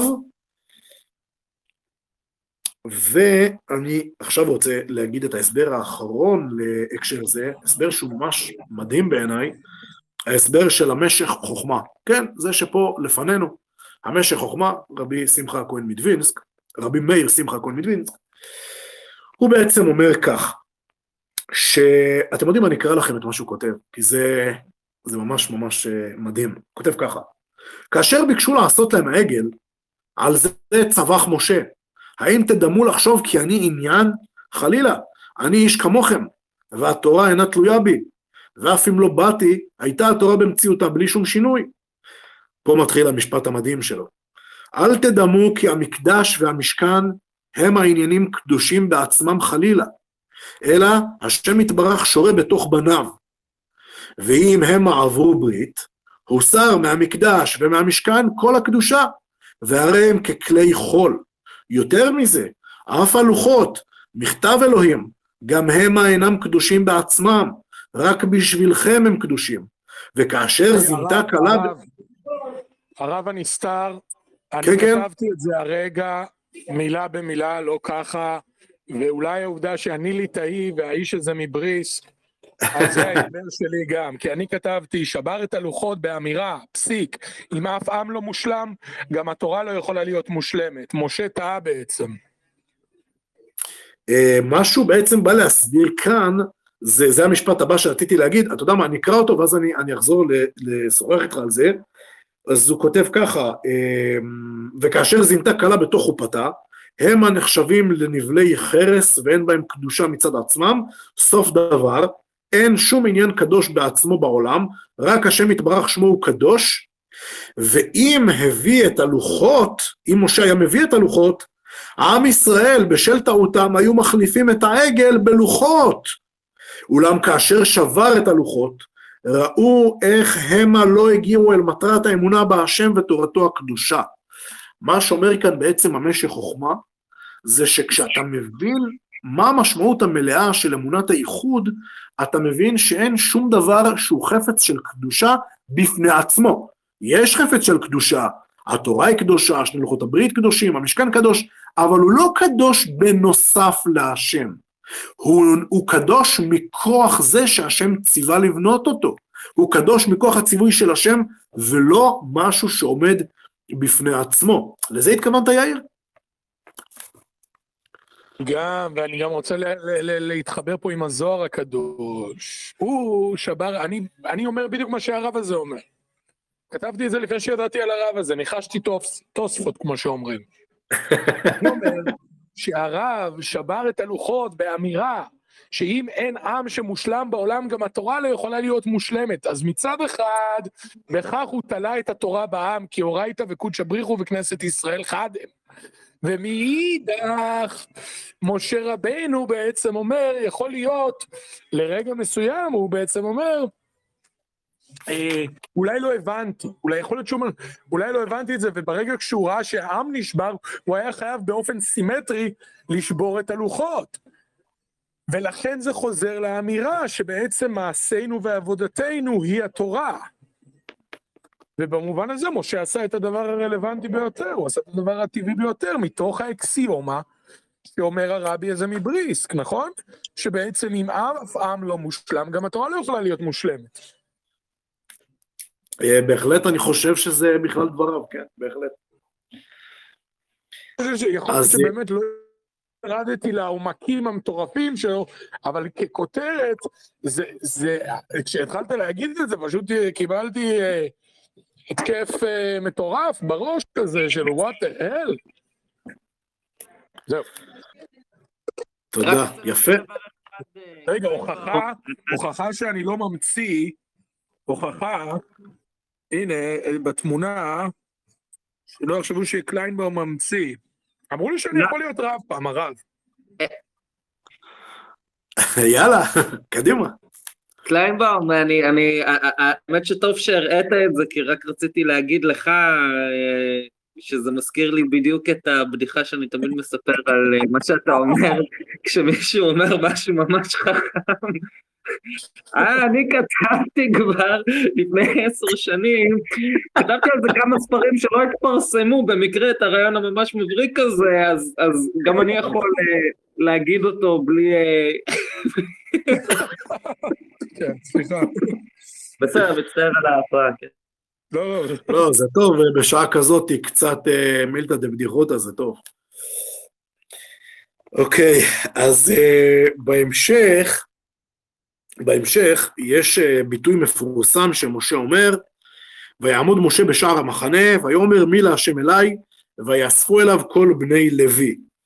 למה דווקא בני לוי? אז מפה כמובן יש הוכחה, ככה שמביא שאף אחד מהם לא עבד עבודה זרה, וכולם יכלו לבוא אליו בלי שנפקד מקומם של אף אחד, אבל uh, בנוסף יש לומר, כמו שמסביר רבי אברהם בן עזרא, ששבט לוי בסופו של דבר זה השבט של משה, ולכן הם uh, מיד uh, נענו לו, זה בהקשר הזה. בביטוי של משה להשם, כשהוא, אפשר להגיד, מתווכח איתו, מבקש ממנו, שיסלח לחטא העגל, אז הוא אומר שם ביטוי מעניין, הוא אומר, ועתה אם תישא חטאתם, ואם אין, מחנינה מספרך אשר כתבת. מה זה מספרך אשר כתבת? אז מי שהיה איתנו בפרשת תצווה, אה, הזכרתי את הרמז של בעל הטורים בשם התלמוד, שמשה לא נזכר בפרשת תצווה כי הוא אמר את הביטוי הזה, לפי השיטה שפרשת תצווה כרונולוגית הייתה אחרי פרשת כי תישא. זה מה שאמרתי שם. עכשיו אני רוצה להגיד משהו נוסף אה, בדרך יותר הפשט. המשמעות של הספרך אשר כתבת רבי אברהם אבן עזרא מסביר את זה על פי הביטוי בספר דניאל, שכשדניאל מדבר על כלל הגזרות של השם שמנהיג את העולם, הוא כתוב שם, ספרין פתיחו. זה הביטוי של דניאל, אומר רבי אברהם בן עזרא, זה בדיוק אותו דבר כאן. הספר כאן הוא ביטוי לכלל הגזרות, ש... התוכניות של השם בעולם. זה ביטוי. אה, באופן דומה גם אה, כותב רשב"ם, שזה הפסוק בישעיה, שאומר כל הכתוב לחיים בירושלים. הוא שואל, מה זה כתוב? איפה הוא כתוב? לא כתוב בשום מקום, זה ביטוי לדבר הזה. לגופו של עניין, מה משה רוצה להגיד בזה? מכן הנה מספרך אשר כתבת, מה זה קשור אליו, מה הוא עשה שלא טוב? אז רמב"ן כותב שהוא באמת לא עשה כלום, הוא בסדר גמור, אבל הוא בעצם מתנדב לקבל את העונש שלהם במקומם, כיאה לאדם אה, כל כך נעלה כמו משה. ואור החיים אומר, בין יתר פירושיו, הסבר מאוד מעניין, הוא אומר בעצם שמשה, למרות שלא עשה כלום בחטא העגל, הוא היה, בש... הוא היה בהר סיני, למד תורה עם השם, אבל משה ראה את עצמו מנהיג שאחראי בעקיפין לכל מה שקורה אצל העם שלו. ולכן הוא לקח אחריות על עצמו גם על משהו שבכלל, בכלל, בכלל לא קשור אליו. זה אה, הסבר מאוד מעניין. אה, בהמשך, כשעם ישראל שומעים על הדבר הזה, אז כתוב, וישמע העם את הדבר הרע הזה, ויתאבלו, ולא שתו איש עדיו עליו. מה זה העדיים שהם הסירו, או לא לבשו, לא ענדו יותר, מה זה? בצורה של פשט אפשר להגיד שהכוונה לבגדים החגיגיים ולתכשיטים היקרים שלהם, באמת ככה כותבים רבי אברהם בן עזרא, הרשב"ם, אבל בצורה יותר אה, עמוקה אפשר לומר, זה בעצם ביטוי למדרגה הרוחנית שהם היו בה לפני חטא העגל. כמו שחז"ל מתארים את זה בתלמוד, שכשהם אמרו נעשה ונשמע, ירדו להם שני כתרים על הראש. המדרגה הזאתי, שמכונה שני כתרים על הראש, כך מסביר למשל רבי עובדיה ספורנו, המדרגה הרוחנית הזאת היא עבדה להם כתוצאה מחטא העגל. בהמשך אמ, כתוב שמשה ייקח את האוהל ונטע לו מחוץ למחנה, והיה כל מבקש השם, אה, והיה כל מבקש השם יצא אל אוהל מועד אשר מחוץ למחנה. מה זה הסיפור הזה שמשה עכשיו גר מחוץ למחנה? אז אה, יש אומנם מסבירים, שכך למשל רבי אברהם עזרא, שהמקום הזה הוא איפה שהמשכן הולך להיות, או איפה שהמשכן כבר היה. זה אוהל מועד, אוהל מועד, זה בדיוק אותו אוהל מועד של המשכן. אבל יש הסבר נוסף, שהוא פשוט בשל הריחוק של השם מעם ישראל בגלל חטא העגל, גם משה כשליחו, כנביאו, היה גם כן בריחוק מסוים מהם. אמ, בהמשך, וזה העניין האחרון שלנו להיום, אה, יש אחר עוד משהו קטנצ'יק, אבל זה אחד לפני הסוף. משה אומר את הביטויים הבאים, אני קורא את זה בדילוגים. ויאמר משה אל השם וכולי, הודיעני נא את דרכיך ואת דעך, וראה כעמך הגוי הזה וכולי, אם אין פניך הולכים, אל תעלנו מזה וכולי, ונפלינו אני ועמך מכל עם אשר על פני האדמה, וכולי, ויאמר השם אל משה גם את הדבר הזה אשר דיברת אעשה, וכולי. אני אעביר כל טובי על פניך, וקראתי בשם השם לפניך, וחנותי את אשר אחון, וריחמתי על אשר ארחם, וכולי. לא תוכל לראות את פניי, כי לא יראני אדם וחי, וכולי, ושמתיך בנקרת הצור, וסקותי כפי עליך עד עוברי, והסירותי את כפי, וראית את אחוריי ופניי לא יראו, וכולי. וירד השם בענן, ויעבור, וכולי, ויעבור השם על פניו ויקרא, אדוני אדוני אל רחום וחנון ערך אפיים ורב חסד ואמת נוצר חסד לאלפים נושא עוון ופשע וחטאה ונקה לא ינקה פוקד עוון אבות על בנים ועל בני בנים על שלישים ועל ריבעים וכולי ויאמר נגד כל עמך אעשה נפלאות. על הפסוקים הללו של מה שמשה מבקש ומה שהשם עונה לו על הבקשה כותב הכלי יקר זו פרשה חמורה שבתורה כלומר כמו שאמרנו מקודם על חטא העגל שגם על זה הכלי יקר אמר משהו דומה, יש לנו כאן בעצם פרשה שקשה מאוד, כשקוראים את הפסוקים ככה, כמות שהם, בלי שום הסבר, קשה מאוד להבין מה קורה שם, מה הולך שם, מה משה מבקש, מה השם עונה לו, איזה דו-שיח יש ביניהם, מה הנושא. אז ננסה להגיד את ההסברים העיקריים לעניין הזה. רש"י מסביר שמשה מבקש קודם כל שהשם בעצמו ילך לפניהם, ינהיג אותם, ישרה בתוכם, ולא המלאך בלבד. זה דבר ראשון.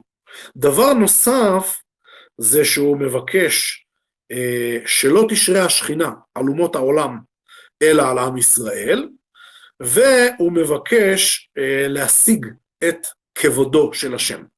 דברי רש"י מבוססים על התלמוד. ולפי ההסבר הזה, מה שהשם אומר לו, זה שבעצם את ה...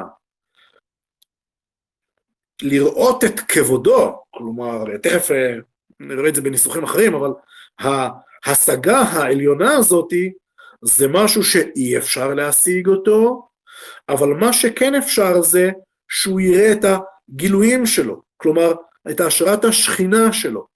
והדבר הזה מתבטא בשלושה עשר מידות רחמים, שכשאתה תלמד את בני ישראל את י"ג מידות הרחמים, אלו בעצם האופנים, המידות שבהם אני מתגלה בעולם. את זה אפשר להבין, גם את העומק שלהם, אבל את המקור שלהם, את ה... אה, אה, את ה... נקרא לזה ככה, את העצמות שלו, את המקור האחד של כל המידות, את זה אתה לא יכול להשיג. זה כמו שאמרתי, אה, רש"י כותב בשם התלמוד, ואז רש"י אה, מוסיף את הביטוי המעניין שמופיע בתלמוד, שמה שהשם כן יכל להראות לו, אה, שומעים אותי? אוי, שומעים אותי? אני מקווה שזה לא נקטע שוב. לא, לא, שומעים אותך, שומעים אותך. אה, יופי, יופי, יופי. אני אף פעם לא יודע מה מתרחש פה, פתאום הוא לא זז. אה, כן, נראה לי שצריך אה, צריך דחוף להחליף את הטלפון הזה. אוקיי, אה, אז, אז הביטוי, הביטוי בתלמוד זה שמה ש... הביטוי בתלמוד למה שמשה כן יכל להבין, כן יכל להשיג, זה נאמר שם שהוא הראה לו קשר של תפילין. מה זה קשר של תפילין? עוד רגע נגיע לזה. אבל זה בעצם ההסבר של רש"י. עכשיו, הסבר של אה, רבי אברהם אבן עזרא הוא קצת דומה ו...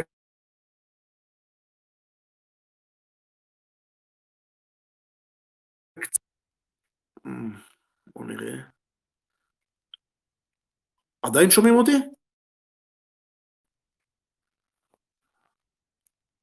אוי. עכשיו שומעים. כן, שומעים אותי? כן. כן, אוקיי. לא, הוא פשוט אה, לא מראה לי פתאום אה, את הדיבור.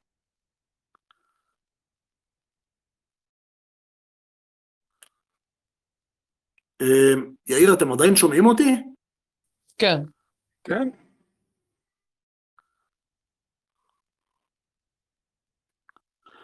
כן, לא בסדר, אני פשוט, אה, יש את הסימון הזה של הדיבור ואני פשוט לא רואה את זה. בסדר, אבל אם אתם אומרים אז הכל בסדר. אוקיי.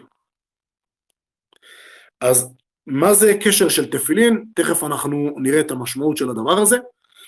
אז אה, איפה היינו? כן, עם רבי אברהם אבן עזרא, אז מה שבעצם הוא אומר זה כך, משה, בדומה למה שרש"י הסביר, הוא אומר שמשה ביקש שהשם בעצמו ילך בתוך בני ישראל, ולא המלאך שלו, זה עניין אחד.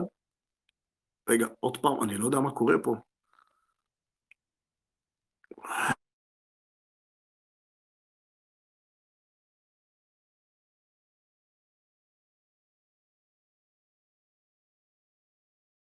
כן, עכשיו האמת אה, לא שומעים. אה,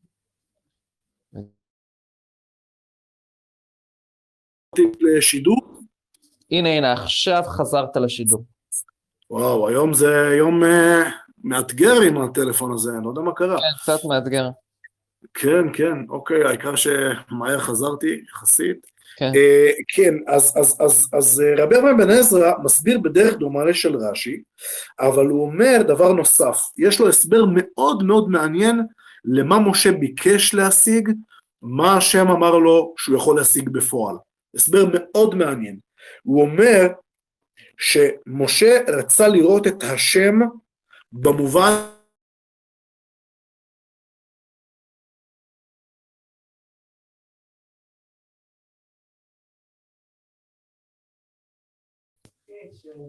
עוד פעם זה נקטע משום מה. אמ, בוא נראה. קליינבאום, אתה איתנו?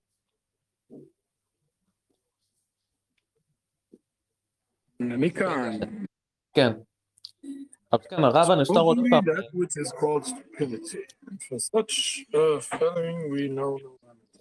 הרב הנסתר אני קורא באמת אה. נקטע שם. שלי, כן. אני קורא בדיוק ציטוט של עמנואל קאנט. תקשיב, לא, לא, לא, לא, תקשיב. אה, אה, קליינבאום, אני בדיוק היום רוצה לדבר על עמנואל קאנט, אז זה ממש מדהים, באמת, כן, כן. ממש. אה, הרב שומעים עכשיו? חזרת, עכשיו חזרת, כן. כן, כן, כן, כן. אני מקווה שזאת תהיה הפעם האחרונה שהרב הנסתר יהיה נסתר גם אה, כפשוטו. אה, נסתר ונעלם, כן. נסתר ונעלם, כן.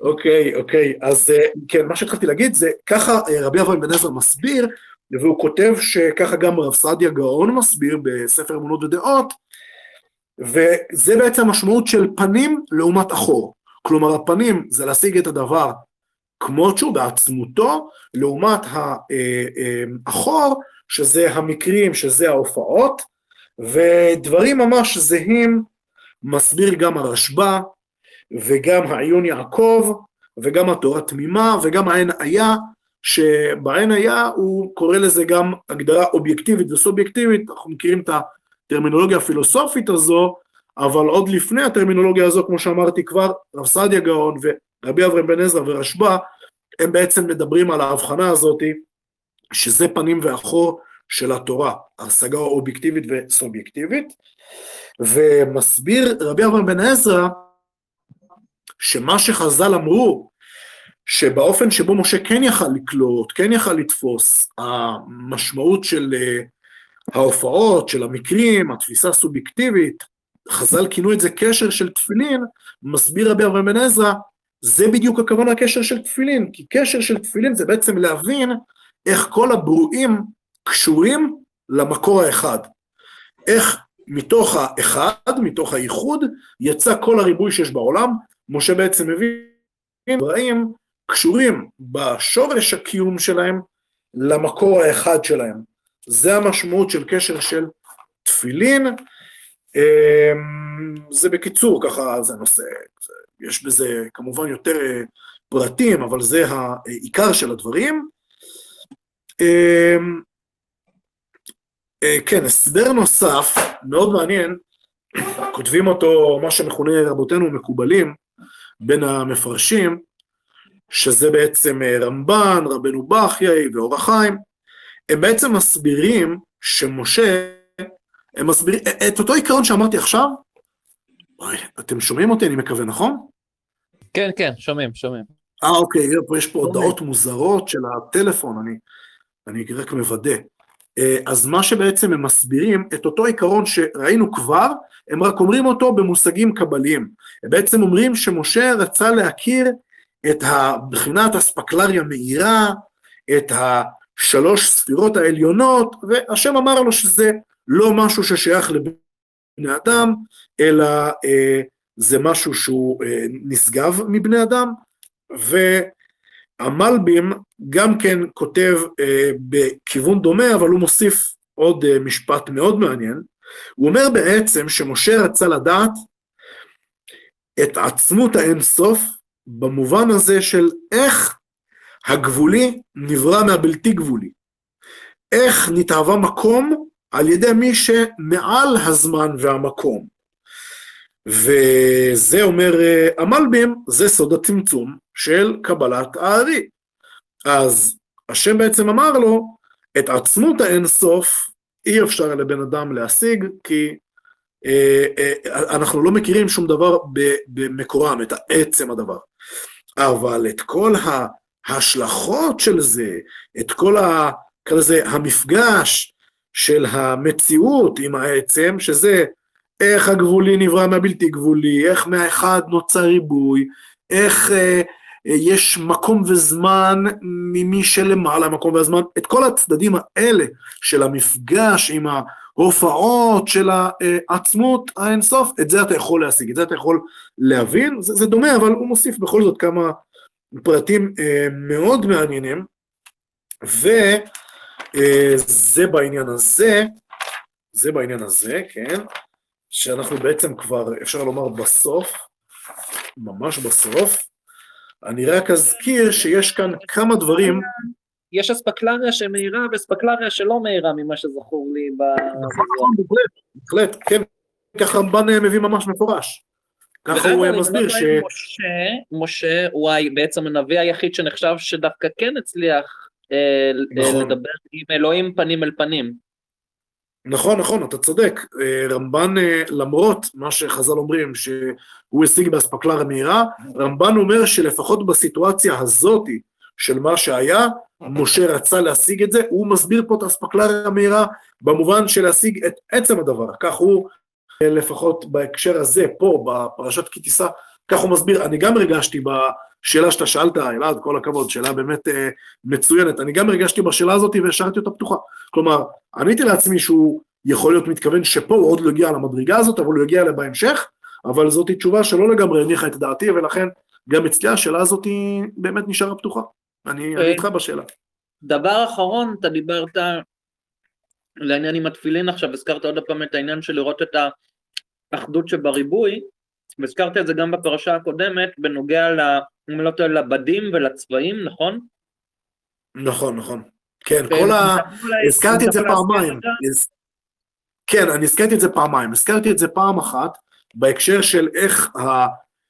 בבית המקדש האחד, או במשכן האחד שבו עובדים לאל האחד, אה, יש אה, על אה, ליבו של הכהן הגדול את חושן המשפט, שבו יש בעצם את האבנים, 12 גוונים שונים של אבנים, שמייצגים 12 גוונים שונים של עם ישראל, שכולם מכוונים את מעשיהם למקום אחד, זה אמרתי בפרשה הקודמת. לפני כן, בתרומה, דיברתי על כך בעצם שב...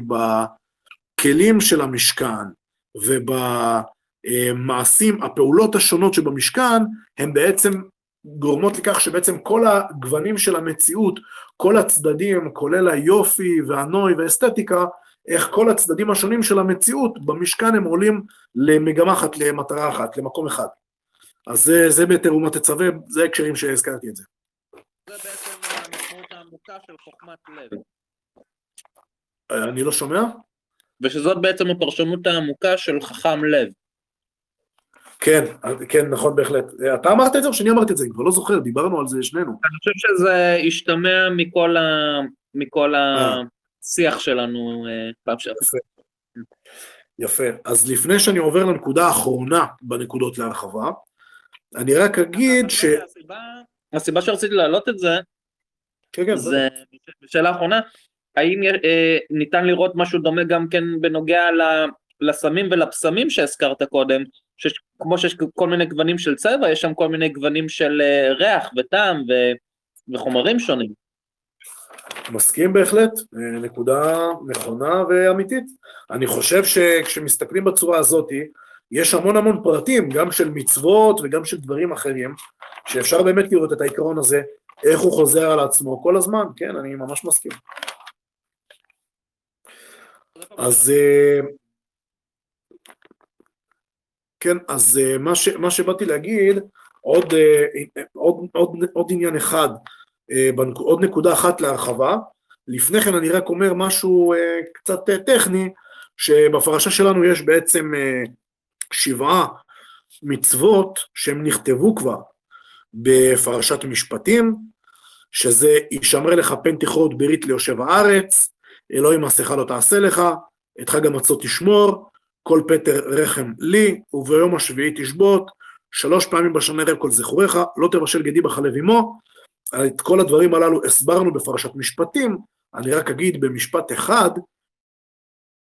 שרבי אברהם בן עזרא מסביר שהפרשה הזאת כתובה פה שוב, כי ככה השם אמר למשה לכתוב שוב את הפרשה הזאת, זה מה שהוא אומר לו.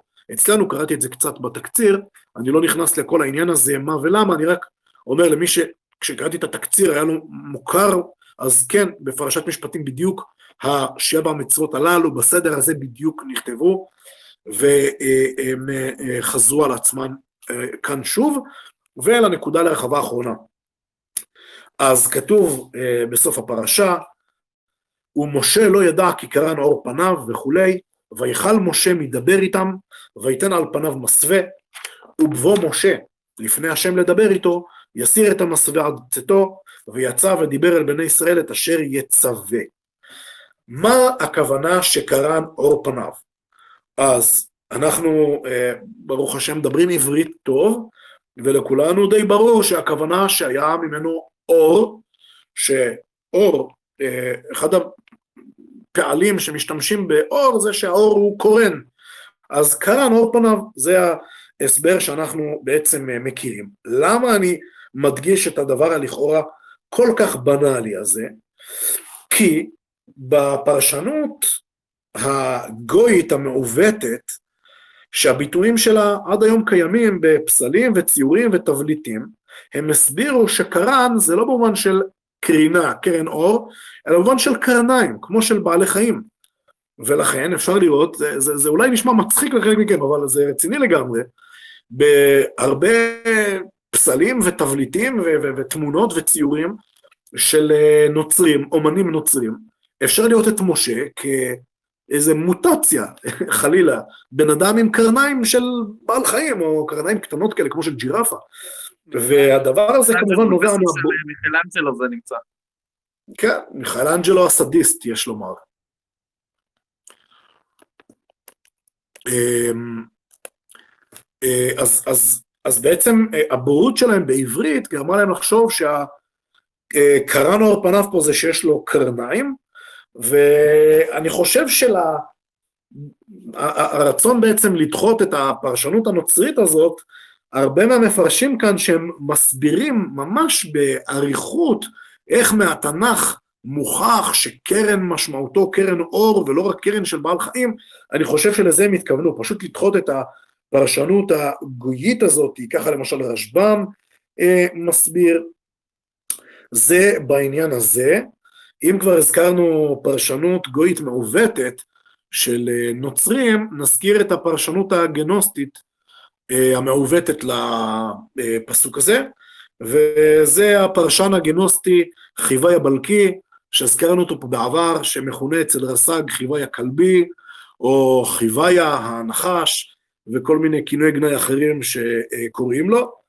אז הגנוסטי הזה... אני לא טועה, חיוואי בארמית הפירוש הוא נחש. כן, בדיוק, זה מה שניסו לעשות, אה, עשו לו הרבה משחקי שמות, הרבה משחקים מילים לשמות שלו. זה מעניין לגבי השם גם של חווה, זה גם מעניין. נכון, נכון, בהחלט, כן, זה, אני חושב בזוהר ככה מסבירים את הקשר בין חווה לחיוויה, חווה והנחש. שהנחש הטיל זוהמה בחווה. כן, כן, נכון. ואם אתה מחבר את זה לעניין שפה חז"ל אפילו אומרים את זה, שיש את המשמעות של הפועל, חיווי, אז אתה כבר ממש מבין את העיקרון של נחש והפועל שלו לנחש. אז זה גם אה, מאוד מעניין. יפה, נכון מאוד. נכון מאוד. אז אה, הפרשנות של אה, חיוואי הגנוסטי היה שבעצם משה בגלל שהוא לא אכל 40 יום ו-40 לילה, אז היו לו פנים מכוערות, פנים של אה, שלד כזה, וכתוצאה מכך הם פחדו ממנו, אז הוא שם מסכה שמסווה, שהם לא יפחדו ממנו, אז אחרי שרבי אברהם אבן עזרא אה, מקלל אותו כמו שצריך, רבי אברהם אבן עזרא עובר להביא ארבע הוכחות מהפסוקים עצמם פה שלנו, שהפירוש שלו הוא מגוחך ופגני לחלוטין, אה, אז אם כבר הזכרנו את הפרשנות הנוצרית, אני מזכיר גם את הפרשנות הגנוסטית, שגם אותה דוחים אה, חכמי ישראל לדורותם. לגופו של עניין, מה הכוונה שמשה לא ידע שקרן אור פניו?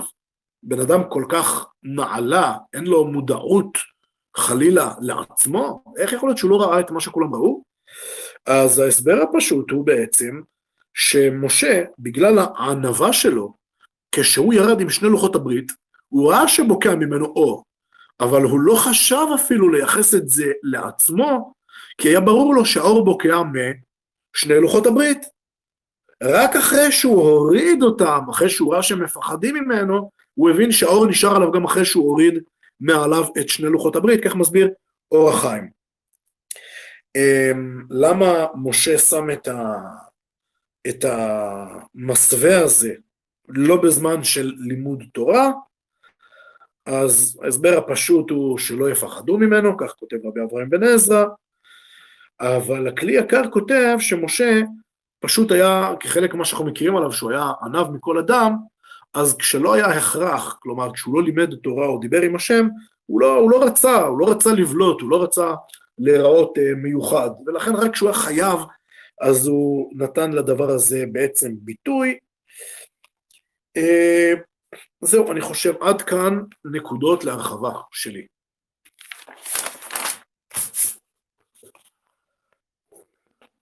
אה, בסדר, אז יש לי גם איזה כמה נקודות להרחבה, אני אשתדל להיות קצר, וגם אה, חלק מהם יסכמו המון דברים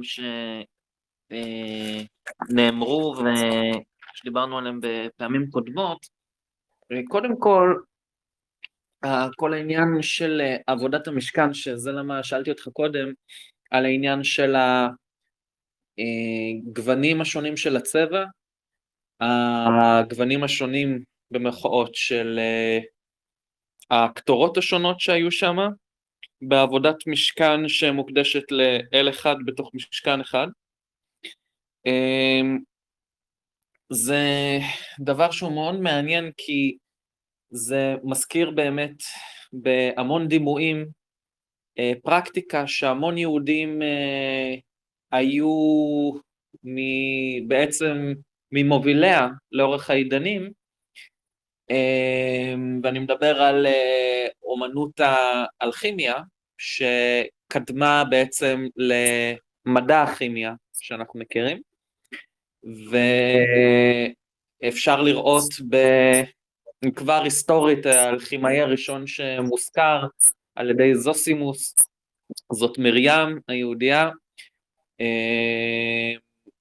ועל שם כמובן מרים, משירת הים, ויש אה, אבן סינה, אחד האלכימאים הגדולים באסלאם, לא הרבה יודעים, אבל הוא מספר שהמורה שלו היה יהודי, אלכימאי בשם יעקב,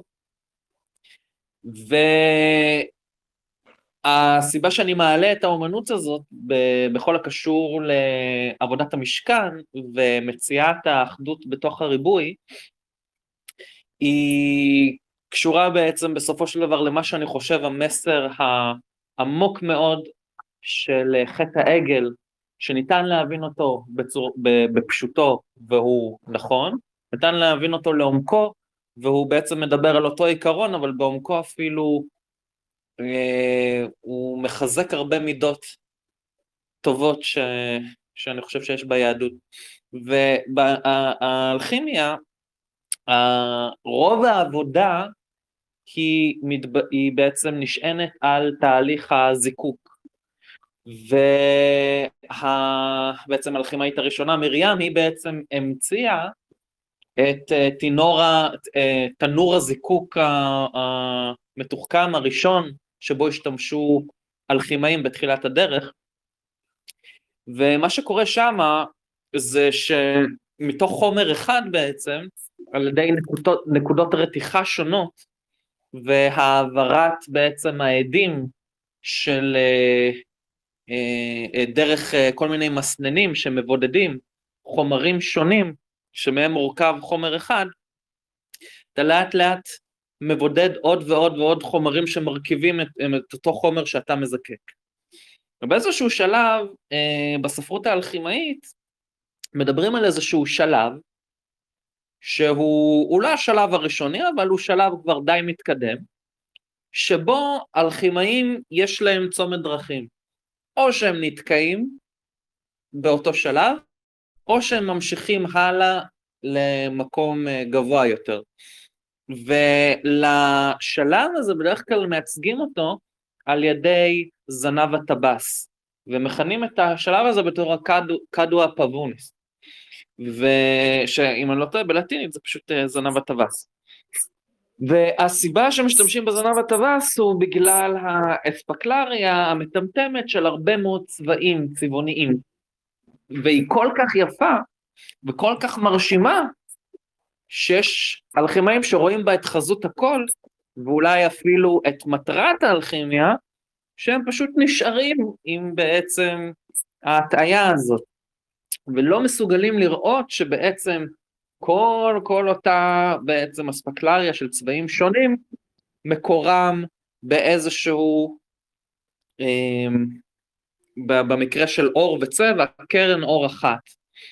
ומה שהאלכימאים עשו, וגם היהודים, מי שתיעד את זה בצורה נורא מעניינת, אה, היה אה, התיאולוג והחוקר אה, רפאל פתאי, הוא כתב ספר שלם שהוא קיווה יהפוך יום אחד לענף מחקר שנקרא ה-Jewish Alchemists והוא תיעד בעצם את כל ההיסטוריה של כל האלכימאים היהודים ובעצם את התרכובות והדברים, חומרים שהם זיקקו ולא מפתיע שכמובן אפשר למצוא שם הרבה מאוד מה... מהבשמים והקטורות שהיו גם נהוגים במשכן. עכשיו, אה, בעצם עבודת הזיכוך הזאת היא בסופו של דבר אמורה להיות עבודת הזיכוך של הנפש בצורה יותר סימבולית, וזה למה גם כן הרבה מאגודות סתרים שספגו את ההשראה שלהם מבית המקדש, בין אה, הידוע ביותר כמובן זה, זה הבנייה החופשית הקלאסית, הם מאוד התעניינו גם כן בהליך האלכימיה. עכשיו, העניין הזה שבו נתקעים על בעצם החזות של משהו, ולא מבינים בעצם את המקור הרוחני או הנסתר יותר של החזות הזאת, זה בעצם, אני חושב שהוא, ש, שזה משהו שאפשר לראות אותו נורא חזק בחטא העגל. אה, גם אתה אה, הבאת דבר, דברים כמו של אבן עזרא, שלכאורה בסך הכל רק רצו להקים איזשהו מזבח, והעגל בעצם יכל להיות אה, אחד הקירובים, והטעות הייתה לשייך לאותו קירוב, לאותו פסל, את חזות הכל, והפיכתו בעצם לסוג של איזה, איזושהי אלילות מסוימת, שסוגדים לה, בלי להבין את העקרון הרוחני שנמצא מעליו. עכשיו, אנחנו דיברנו על זה, שזה מעניין שהפרשני המקרא אה, דיברו על כך ש... חטא העגל הוא אמנם נכתב אחרי, אה, אחרי הפרשות הקודמות שקראנו, אבל, כאן, אבל בעצם קרה לפני. הפרשות הקודמות שקראנו בעצם דיברו בעיקר על אה, אה, עבודת המשכן ואיך הוא בנוי, ושם באמת אנחנו מגיעים, בפרשות האלה נגענו בעניין הזה ש... יש את ה... אה, במרכז בית המקדש, את אה, ארון הברית, שהוא עשוי עץ שיטה, מצופה זהב, ועליו קירובים, סלים של קירובים,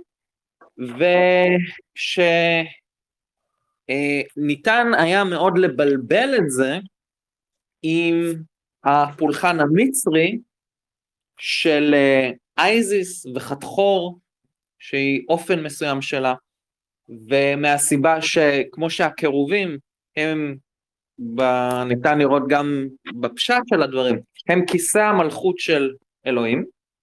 גם בתלמוד יש איזושהי שירה נורא ידועה שמדברים על אה, עלייה למעלה באיזושהי אה, חזרתיות כזאת, החזרתיות של מילה הוא למעלה מהם, הוא למעלה מהם, הוא למעלה מהם שבעה רקיעים, הוא למעלה מהם כך וכך, הוא למעלה מהם אה, קירובים, אה, כיסא כבודו, הוא למעלה מהם אה, אל אחד והכל וכו', ובאמת אה, שמתייחסים אל הקירובים ככיסא מלכות. ואז הבל... היכול... הפחד שהם יבלבלו את שני הפולחנים האלה, מצד אחד עץ השיטה שהיה מקודש לאייזיס, ואייזיס שהיא מסמלת את כיסא המלכות של הפרעון ולכן על הראש שלה תמיד היה צורה של כיסא מלכות, ושהיא מסופר עליה שהיא כל מה שהיה וכל מה שיהיה ואף אחד לא הצליח להסיר את הטפח ממנה. ו... אה, שהצורה של החתחור היא בעצם נראית אה, כמו פר בעצם, בדומה לעגל, אז אה, כמו פרה בעצם שדומה לעגל, אז הם יכלו לחזור לאיזשהו פולחן קדום שמבלבלים אותו. ואז מה שאני רוצה לדבר עליו היום זה להכניס רגע את הפילוסוף קאנט ואת הביקורת של ניטשה על קאנט, שזה ממש יפה שגם אתה הזכרת את ניטשה, וגם אה, קליינבאום רצה רגע להזכיר את אה, קאנט, אה, הזכיר ספר של קאנט לפני כמה רגעים. ומה הייתה הביקורת של ניטשה על קאנט? שאני חושב יכולה לתאר די יפה בעצם מה, מה עומד פה ביסוד העומק של, של, החטא, של חטא העגל. אז קאנט, הוא דיבר בעצם בפילוסופיה שלו על הדבר הבא. הוא אמר, יש, הוא עשה הבחנה שנקראת נומנה ופנומנה. הוא אמר, נומנה זה, ו, ואגב, כדי להסביר את הדבר הזה, הוא השתמש, ב, אה, הוא השתמש במשל של אייזיס, שהיא כל מה שהיה וכל מה שיהיה, ואף אחד לא, לעולם לא הצליח להסיר את הטפח ממנה, היא תמיד מוסתרת. ת, ת, תסיר טפח, יהיה טפחיים. ומה הוא אמר? הוא אמר, יש את הנומנה, זה בעצם העולם כשלעצמו, אנחנו לא באמת מכירים אותו, בעצם אפשר לומר כל מה שהיה וכל מה שיהיה, ויש את הפנומנה, יש את איך שאנחנו תופסים את העולם, בצמצמים של התפיסה, תפיסת ההכרה שלנו, זה מה שהוא מנסה לחקור בביקורת התבונה הטהורה. בעצם הטפח והטפחיים שיש על אייזיס, זה בעצם ההכרה שלנו, שלא משנה לאן נסתכל, ההכרה שלנו מלבישה איזה שהם צמצמים, איזה שהם קטגוריות שבלעדיהם לא נוכל לתפוס את המציאות. את המציאות אה, כפי שהיא אי אפשר כי זה משהו שהוא מעבר לתפיסה של האדם. אבל בתפיסה של האדם, לאן שהוא לא מסתכל, הוא יראה את הדברים עם הטפח והטפחיים האלה, וה, וה, והטפח הזה, אלה בעצם הקטגוריות, אלה בעת, זה בעצם השפתן, הגבולות ההכרה, שמחולקים לכל מיני קטגוריות. למשל, אתה לא יכול לחשוב על העולם או לתפוס את העולם בשום אופן בלי מרחב וזמן. לא היה מרחב וזמן, אתה לא תתפוס את העולם. האדם האנושי, בתפיסה האנושית שלו. עוד דבר, אתה לא יכול לתפוס את העולם בלי סיבתיות. זה, זה, זה, אלה דברים שהם נמצאים ב, בסופו של דבר ב... ב... שאלה. כן. האם כשאדם חולם הוא במרחב וזמן? מה שאתה חולם, הוא נמצא, הוא, אתה חולם דברים שאתה רואה בתוך מרחב וזמן, כן, יש, איזה, יש זמן מסוים, יש, זה נמצא באיזשהו מרחב מסוים, כן. אלא אם כן, אתה, לא, אתה חולם על כלום, שזה משהו. כן. בכל אופן, זה למה בעצם אתה חסר הכרה באותו זמן, כן, אבל אה, זה, זה, זה העניין. עכשיו, מה הייתה הביקורת של ניטשה? כי, כי אה, איך קוראים לו? אה, קאנט ניסח איזה שהם 12 קטגוריות שהוא אמר, זה ייהרג ובל יעבור, בלי זה אי אפשר לתפוס את העולם. וניטשה הסתכל על זה, ואמר לקאנט, אתה עושה כאן איזושהי עבודת אלים, עבודת אלילים לתבונה ולהכרה שלך, למה? אמנם ניסחת איזה שהם 12 קטגוריות, אבל אה, הם לא, זה לא הכרחי שאלה יהיו הקטגוריות שדרכם אתה תתפוס את העולם. הסיבה שיש אותם זה כי פשוט, וניטשה שהוא היה יותר דרוויניסט בתפיסה שלו, אנחנו התפתחנו להיות ככה ושרדנו יותר טוב עם הקטגוריות האלה, אבל זה לא אומר שהקטגוריות האלה יש להם איזשהו קיום משל עצמם, שמשהו שהוא בוודאי אה, חלק, חלק מהעולם, ובעצם אתה הלכת עד השפתן, ו, ומה שאתה רואה בגבולות, הפכת אותו לחזות הכל, אבל הדברים האלה אין להם, אה, אין להם אחיזה משל עצמם, אין להם קיום משל עצמם, אלא הם, הם קיימים כי פשוט התפתחנו ככה. ומה שקורה כאן, זה אם אנחנו מסתכלים רגע על הרעיון הזה של, של המרכבה, שהיא בעצם, מה זה המרכבה? זה כיסא מלכות. וממה הכיסא מלכות מורכב? מורכב מהקירובים. ואם אנחנו מסת... מנסים רגע להבין איך זה אולי תואר, ודיברתי על זה אתמול באורים ותומים, בתלמוד יש שני פרשיות. על, על, על שניהם גם דיברנו, אבל מה שלא אמרתי עד היום זה שהן מופיעות אחד אחרי השני. בפרשייה אחת, פרשייה שנקראת מעשה מרכבה, שבו מורה ותלמיד מדברים על המעשה מרכבה, ואז אה, יש איזושהי התגלות. פרשייה מיד לאחר מכן מדובר על הפרדס. ארבעה נכנסו לפרדס. צבא אומר, זה וזה קשורים זה בזה. ובאמת, כשמסתכלים על הדברים, אנחנו רואים שאחרי שאדם וחווה גורשו מגן עדן, שמו על השפתן, על המפתן, בעצם, את הקירובים, לשמור על הכניסה. על הכניסה בעצם לעץ החיים. וכמו שדיברנו בפרקים הקודמים, העץ החיים זה מאוד סימבולי לאיך שמתארים את אייזיס במיסטריות של מצרים. אבל אה, למה אה, מדברים על הפרדס? כי הפרדס זה בדיוק השפתן הזה, שיש לך את, אה, את העולם ההכרתי שלך, שהוא לצורך העניין העיירה, העיר, שהיא כולה מורכבת ובנויה מאיך שהאדם בונה על פי הכרתו את הסביבה שלו, יש את הטבע הבלתי מחולל על ידי ההכרה שזה פשוט העולם כשלעצמו, ויש את הפרדס, שהוא המקום שבין לבין, שהוא המקום הזה שמצד אחד זה טבע, מצד שני זה טבע שבעצם האדם סידר באיזושהי צורה מסוימת, שיהיה בעצם הפרדס. אמ, ולכן כשהם נכנסים לפרדס, מישהו אחד מת, מישהו אחד נפגע, מישהו אחד מקצץ בנטיות, כי הם עושים את אותה טעות של לתת, אה, ללכת לשפתן של ההכרה ולהפוך בעצם את, ה, הייתי אומר, את התוצרים של ההכרה, או את ה, בעצם הבסיס שעליו ההכרה נשענת, ה-12 קטגוריות האלה של קאנט לצורך העניין, הופכים אותם לחזות הכל, הופכים אותם לאלילות, כמו שעשו עם זנב הטווס, עם כל הצבעוניות שהלחינאים רואים בשלב הזנב הטווס.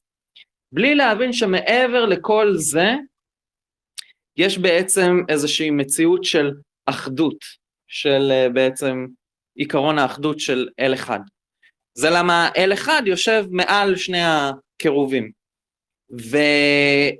זה לא, אני, כן. אתה אומר דברים כל כך מטורפים כהרגלך. עכשיו רגע, רגע, אני, אני, אני אתן דוגמה אחת ש, שלגבי קטגוריה אחת שאפשר לראות, אז לצורך העניין עניין הסיבתיות ש, שקאנט מדבר עליה, איפה mm. היהדות חותכת אותה כמשהו שאנשים יכולים לסגוד לה, כמו שסגדו לעגל הזהב בכל עניין החיווי והניחוש.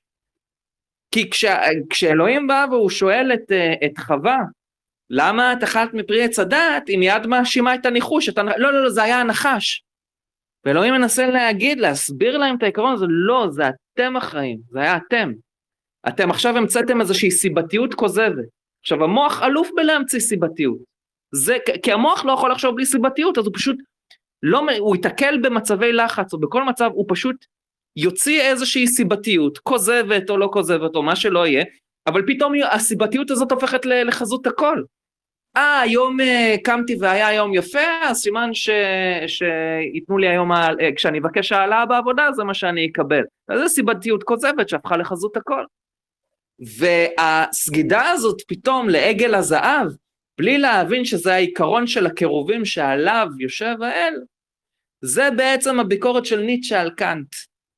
אז uh, זה השנקל שלי על, ה... על הפרשה, וזה אה, גם העניין הזה של להרוס צלמים, אתה יכול להבין את זה באמת בלסגוד לצלמים, אבל גם, אם אתה הולך לפרשנות העמוקה הזאת, ללסגוד לתוצרי ההכרה שלנו, או לאופני ההכרה שלנו. וזה למה גם אני חושב שלצורך העניין אלוהים, הוא אומר לאדם, אה, זאת אומרת היהדות מציגה גישה יותר נומנליסטית לשפה, במובן שהשמות שאתה נותן לדברים, אלה, זה, אלוהים אומר, לאדם תן אתה את השמות ל, ל, ל, אה, נו, אה, לחיות או לתופעות הכלליות שאתה רואה, אבל אני לא נותן לך איזה שהם אידאות שאתה, שהן אה, מתוכנתות מראש, שהן איזשהו קוד שאתה צריך לסגוד לו. אתה, השפה, השפה שלך זה, זה משהו יצירתי, זה משהו משוחרר יותר, אתה יכול להשתמש בו כדי להגדיר את העולם שלך. זה לא האידאות הפלוטניות האלה, ש, או, או, או המילים, מילות לחש המאגיות של, ה, של המצרים, שיש להם את המילת uh, קוד של כל uh, חיה או משהו כזה, שרק הפרעון יודע או משהו כזה. לא, הם, הם נותנים איזושהי גישה של מה שנקרא בפלסופה, גישה יותר נומנליסטית לשפה, כדי לא לסגוד לתוצרי השפה. מה ש... אומר אה, בסופו של דבר, אני חושב, אחד הפרשנים שאני הכי אוהב, אה, אוהב בתורה, אני עכשיו אבל ברח לי השם שלו, יש לו שם יפה כזה, זה לא אור החיים, אבל זה, זה שם, שם דומה, הוא היה גם קבליסט מהמאה ה-12, החטא הגדול של אה, עץ הדת היה שהפרידו את הפרי מהעץ.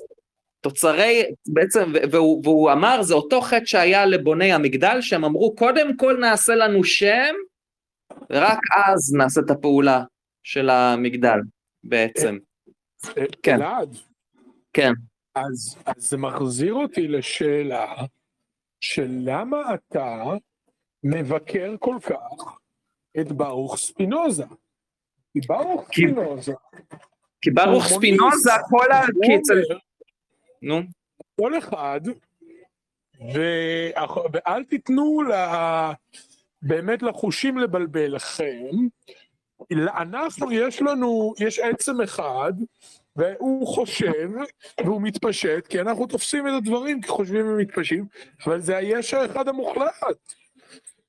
כן, לנו... אבל זה, זה, זהו נאו-פלטוניסט, הוא לא מונותאיסט. היש האחד המוחלט הזה מזוהה לחלוטין עם הטבע, והטבע מזוהה איתו והם שני פנים של אותו דבר. זה לא אל אחד שהוא טרנסצנדנטי לטבע.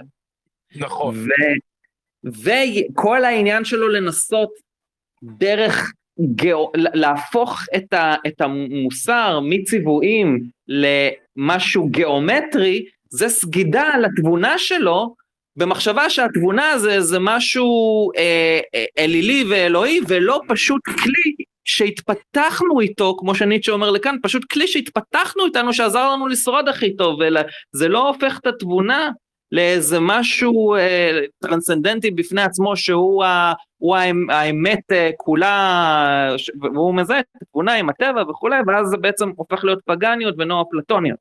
אה, אז זה בגדול. כן, בעצם קאנט וספינוזה הבעיה של שניהם זה בעצם הניסיון הכמעט מתמטי הזה בדיוק. לשחזר איזה חוקיות. בדיוק, ולכן גם הסיבה שאני חושב שהמסורת חזקה יותר מהניס, מניסיונות של התבונה להבין או להסביר או לחוקק מוסר, היא שהמסורת, אה, מה, ש, מה שנותן לה את התוקף, אני חושב לפחות אם מסתכלים על זה מנקודת מבט ניטשאנית, שהוא אמנם הוא מאוד רדיקלי, בכל זאת הוא כתב את הספר מעבר לטוב ורע, אבל הוא בסופו של דבר זה שהצליח להביא איזשהו תוקף לשמרנים, חילונים, למוסר שהוא מאוד מאוד מאוד אה, מאוד שמרני בסופו של דבר, היה שמה שאחד הדברים שנותנים לזה את התוקף, זה עבר את מבחן הזמן, והתבונה שלך היא, היא משהו שהוא רק של העכשיו, רק של התוצר של משהו שאתה עושה בחדר עכשיו אה, מהרגע הזה. זה לא, זה לא, אתה לא יכול לראות אם זה עובר את מבחן הזמן כמו מה שקיבלת במסורת. אגב. תקדימים. אה, אה, ותקדימים שעל זה מבוסס הקומון לה, אגב. אבל זה גם וגם. המשמעות באה מהזמן, אבל המיידיות במעשה הוא העיקר גם. זהו, ש... ש אה, אצ... כן, מבחינת המוסר היהודי, המעשה הוא העיקרי, אצל קאנט זה לא מה שעיקר, המעשה הוא לא מה שעיקרי, אצל קאנט מה שעיקר זה הכוונה, או ה... אה, בעצם, ה... אם, אם, אם עשית את הדברים בצורה הכי לא אנוכית שיש, זה מה שנותן להם את התוקף המוסרי. כן. אה, זה עגל הזהב, המחשבה הזאת שאתה יכול לתפוס את האמת כאיזה construct ולשחזר אותו במעשים שלך. זה ממש עבודת אלילים. כן. אה, לחלוטין, לחלוטין. ואם אתה בא ואתה אומר שזה תבוני, אז, אז, אתה, אז אתה הפכת את התבונה בעצם לסוג חדש של אלילות. אגב, אני בא, בשלב הזה אני בצ'יפוטלה פה כבר שלוש וחצי שעות, הפכתי להיות ההומלס שלהם, זה שבשולחן. ממלא כוס אחר כוס. אפשר עוד כוס מים כזה דוחה את החשבון. לא, יש להם את, ה, את המכונות האלה באמריקה, שאתה פשוט לוחץ, אתה מקבל כוס ואתה יכול לשתות עד מרץ. כן. בכל אופן, אה, אני אומר, נעבור ככה. כן. לא, רק הערה, ש...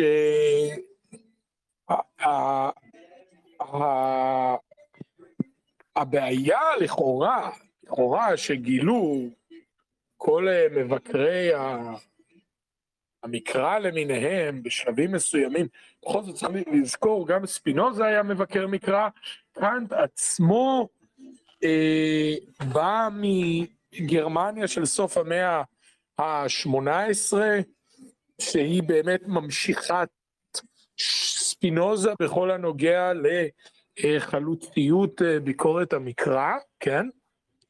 ומה שצריך לזכור זה ש... רגע, איפה זה? הנה.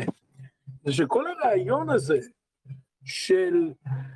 אמ, אה, הביקורת המקרא בעצם, מה היא אמרה? היא אמרה, המדענים האנגליים, אה, המורשת של פרנסיס בייקון, כן, האמירה הזאת של כשל ההסתמכות על הסמכות, ושבן אדם צריך ללכת על פי ההיגיון, גם דה וינצ'י מדבר על זה באותה תקופה במקביל.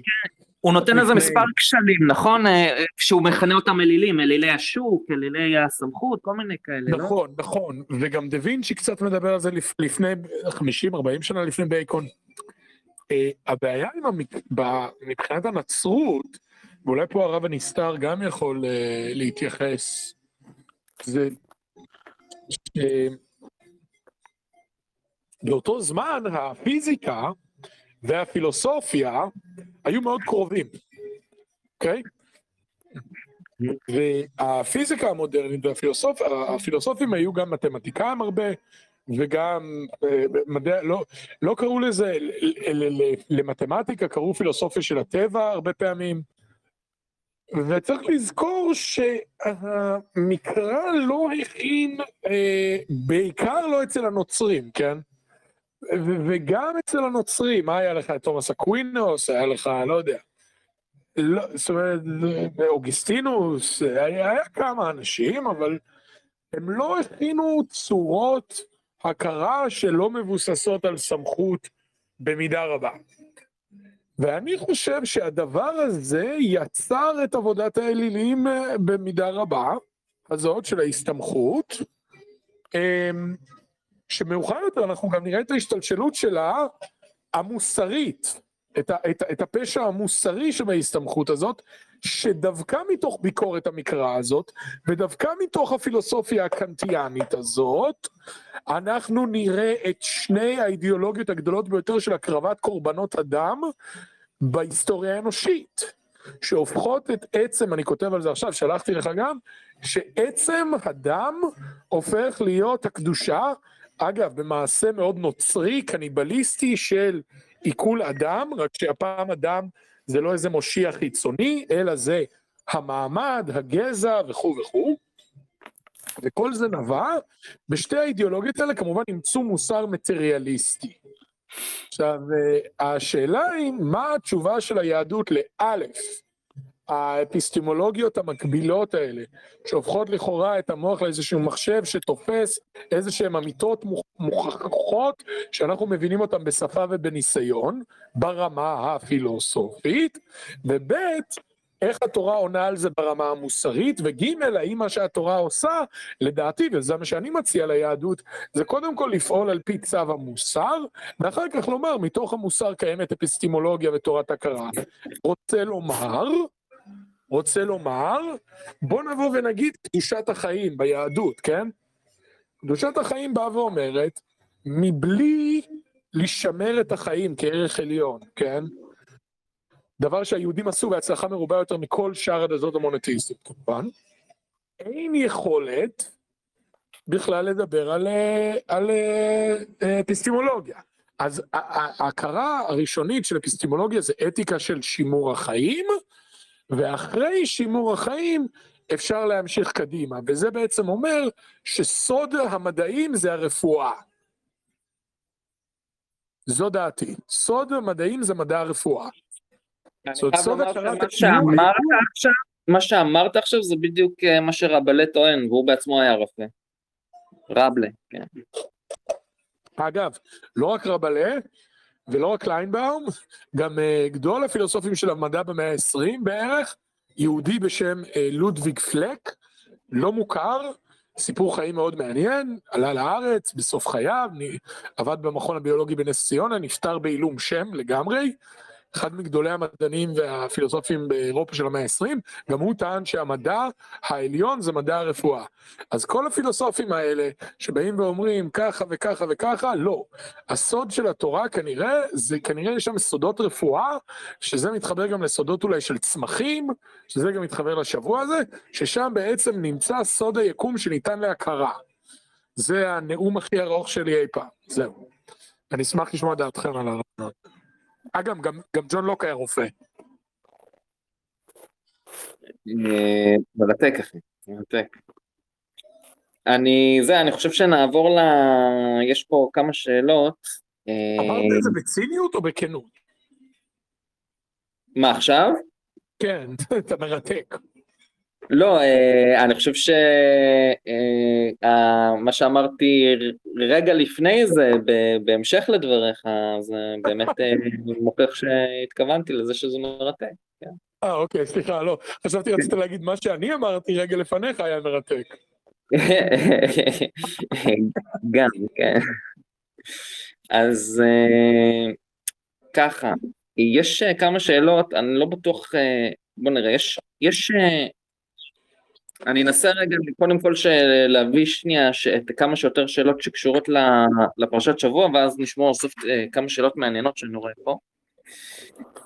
אה, מישהו כותב שלום הרב שמעתי שאחד הסממנים הוא המור שבאמת נחלקו הפרשנים מהו אותו המור הרמב"ם מול הרמב"ן שהוא מין צמח מיוחד מאוד שהגיע מהודו שכל העניין באותו הצמח הוא דווקא בכך שהוא משמש לעבודה זרה ודווקא אותו אנחנו רוצים כדי להעלות, זאת אומרת, אחד מתכליות המקדש היא לתת מקום לכל הכוחות במציאות, גם לרחוקים ביותר, לכן הקטורת בלשון הזוהר נקרא כתרה מלשון קשירה וחיבור. אמ, אני אמרתי מקודם, לגבי הזיהוי של המור, שדעת רמב"ם, שזאת בלוטה של הצבי המוסק, לעומת אה, רבי אברהם בן עזרא, שדיבר על זה שזה צמח, לעומת רמב"ן שכתב שזה שמן צמחי. זה מה שאני מכיר. עכשיו, אה, לגבי האמירה שזה שימש כחלק מאיזשהו פולחן עלי, אני לא ראיתי את זה לא ברמב"ם, לא ברמב"ן ולא ברבי אברהם בן עזרא. יכול להיות שמישהו אחר אומר את זה, זה בהחלט מאוד מסתבר. אני פשוט, לפחות במה שציטטת, לא ראיתי דבר שכזה, אבל uh, זה נשמע בהחלט uh, מסתבר. Uh, כן, עכשיו יש לנו את...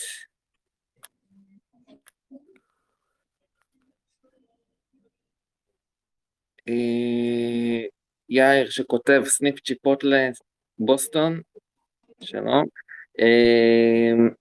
דיוויד שענה לי, מה שענית לי לגבי התהייה שהוא שבר את, ה... את הלוחות, כאילו כביכול, שאני חשבתי שזה עוד לפני שהם בכלל אה, קראו מה היה שם, והתשובה היא כמובן שהם שמעו במעמד. אה, קליינבאום כתב קודם, אולי ארבעת השלבים של האידיאולוגיה האנושית מקבילים לארבע שלבי המונדה של חמור. אה, אני כבר לא כל כך זוכר מאיזה קטע זה. נראה לי שהוא דיבר על ארבעת השלבים של הפולחן של העגל, שבו כן. יש את השלב של העולות, שלב של השלמים, שלב של הלאכול ולשתות, ושלב של הלצחק. שאמרתי, ואני לצערי לא יודע את המקור, שכל מהפכה מורכבת מארבעה שלבים. אה, מעניין מאוד, אני צריך לבדוק את זה, צריך לבדוק את זה. אז אנחנו, אני רגע עושה לזה forward ל-saved messages שלי, שאני אשים את זה בתיקי אתה לחקור הלאה. אה, צביקה שוורץ, טוב, הוא כתב שהוא לא מוצא את פרשת השבוע, הוא כנראה לא הבין איך השידורים עובדים בטלגרם. אה, ברגמן כן. כותב, אם, אם כבר פירושי לשון, אז עגל מסכה, מסכה הכוונה ממתכת האותיות תס מתחלפות, דמיון בהגייה. אה, נכון, הם שניהם לשוניות. נכון לחלוטין, וככה באמת מתרגם אה, רבי, אה, מתרגם אונקלוס. הביטוי עגל מסכה, אונקלוס מתרגם עגל מתחה, ממש כך. והוא אומר שתי המילים מתכת ומסכה נגזרות מדרך ייצור המתכת, התכה, ניסוך לנוזל ויציקה לתבנית, נכון? והם, כמו שאמרתי, הם עשו את זה מהגילים, מהנזמים שהיו על האוזן, זה מאוד מעניין. נכון. בימינו עידן המגפות סוגדים למסכה כעגל, אבל זה כבר סיפור אחר, כותב ברגמן. אמ, הייתי אומר אה, אה, לגבי העניין עם הנזם על האוזן, אז זה באמת מזכיר את העניין של אה, נעשה ונשמע שדיברת עליו, לא? אתה מדבר על מה שדיברתי השבוע או בשידורים קודמים? אה, דיברת גם השידור הזה עכשיו על העניין של נעשה ונשמע, לא? כן, אני אמרתי שכשכתוב עליהם שהם אה, מתאבלים, בני ישראל שומעים על הדבר הזה, אז הם מאוד מתאבלים והם מסירים את העדיים שלהם מעליהם, אמרתי מה זה ההסרה של העדיים, אז אמרתי בצורה פשוטה שזה הבגדים והתכשיטים היקרים, המכובדים, אבל ההסבר הנוסף הוא זה שבעצם הם ירדו מהמדרגה שהם היו בה במעמד הר סיני, שזה בעצם שני הכתרים שמתאר את זה התלמוד, שכל אחד מבני ישראל היה בעל שני כתרים בשעה שהוא אמר נעשה ונשמע, זה ההקשר שאמרתי היום. כן. אמ, ועכשיו יהיה אפשר לעבור לשאלות המעניינות. תגיד לי אתה, מה אתה חושב? זה שתי שאלות. אה, דגות כותב, שלום לרב, מאוד נהנה מהתוכנית שלך, יש לי עוד שתי שאלות עם אופי טכנולוגי.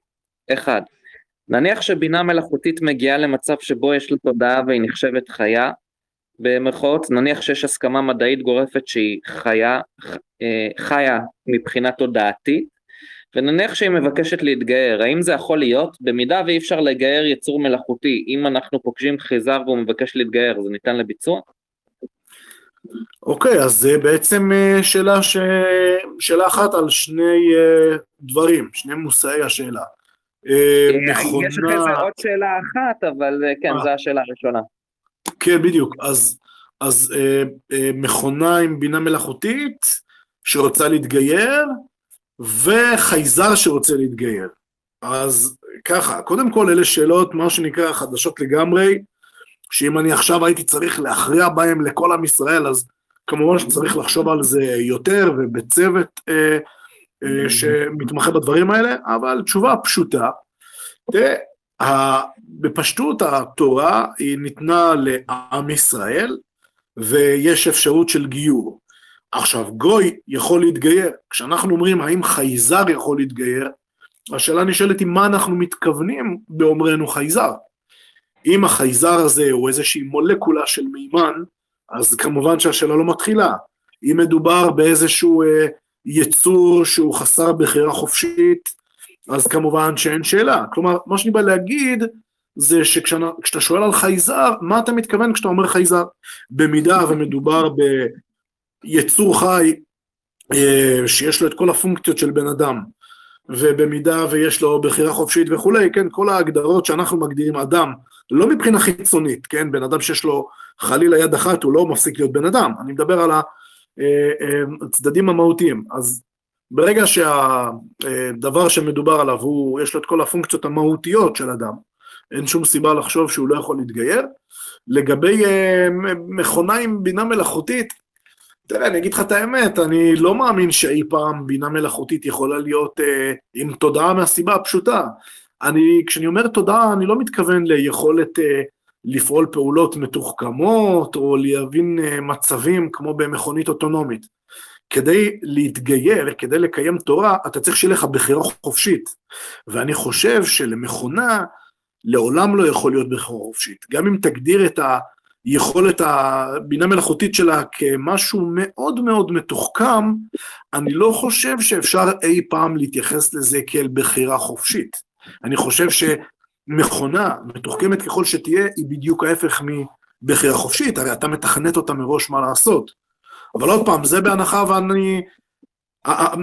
מה שנמצא מאחורי הביטוי מכונה עם בינה מלאכותית, זה אכן מה שאני אומר. אם מדובר כבר במשהו אחר, אז צריך לבחון אותו מחדש כמשהו אחר.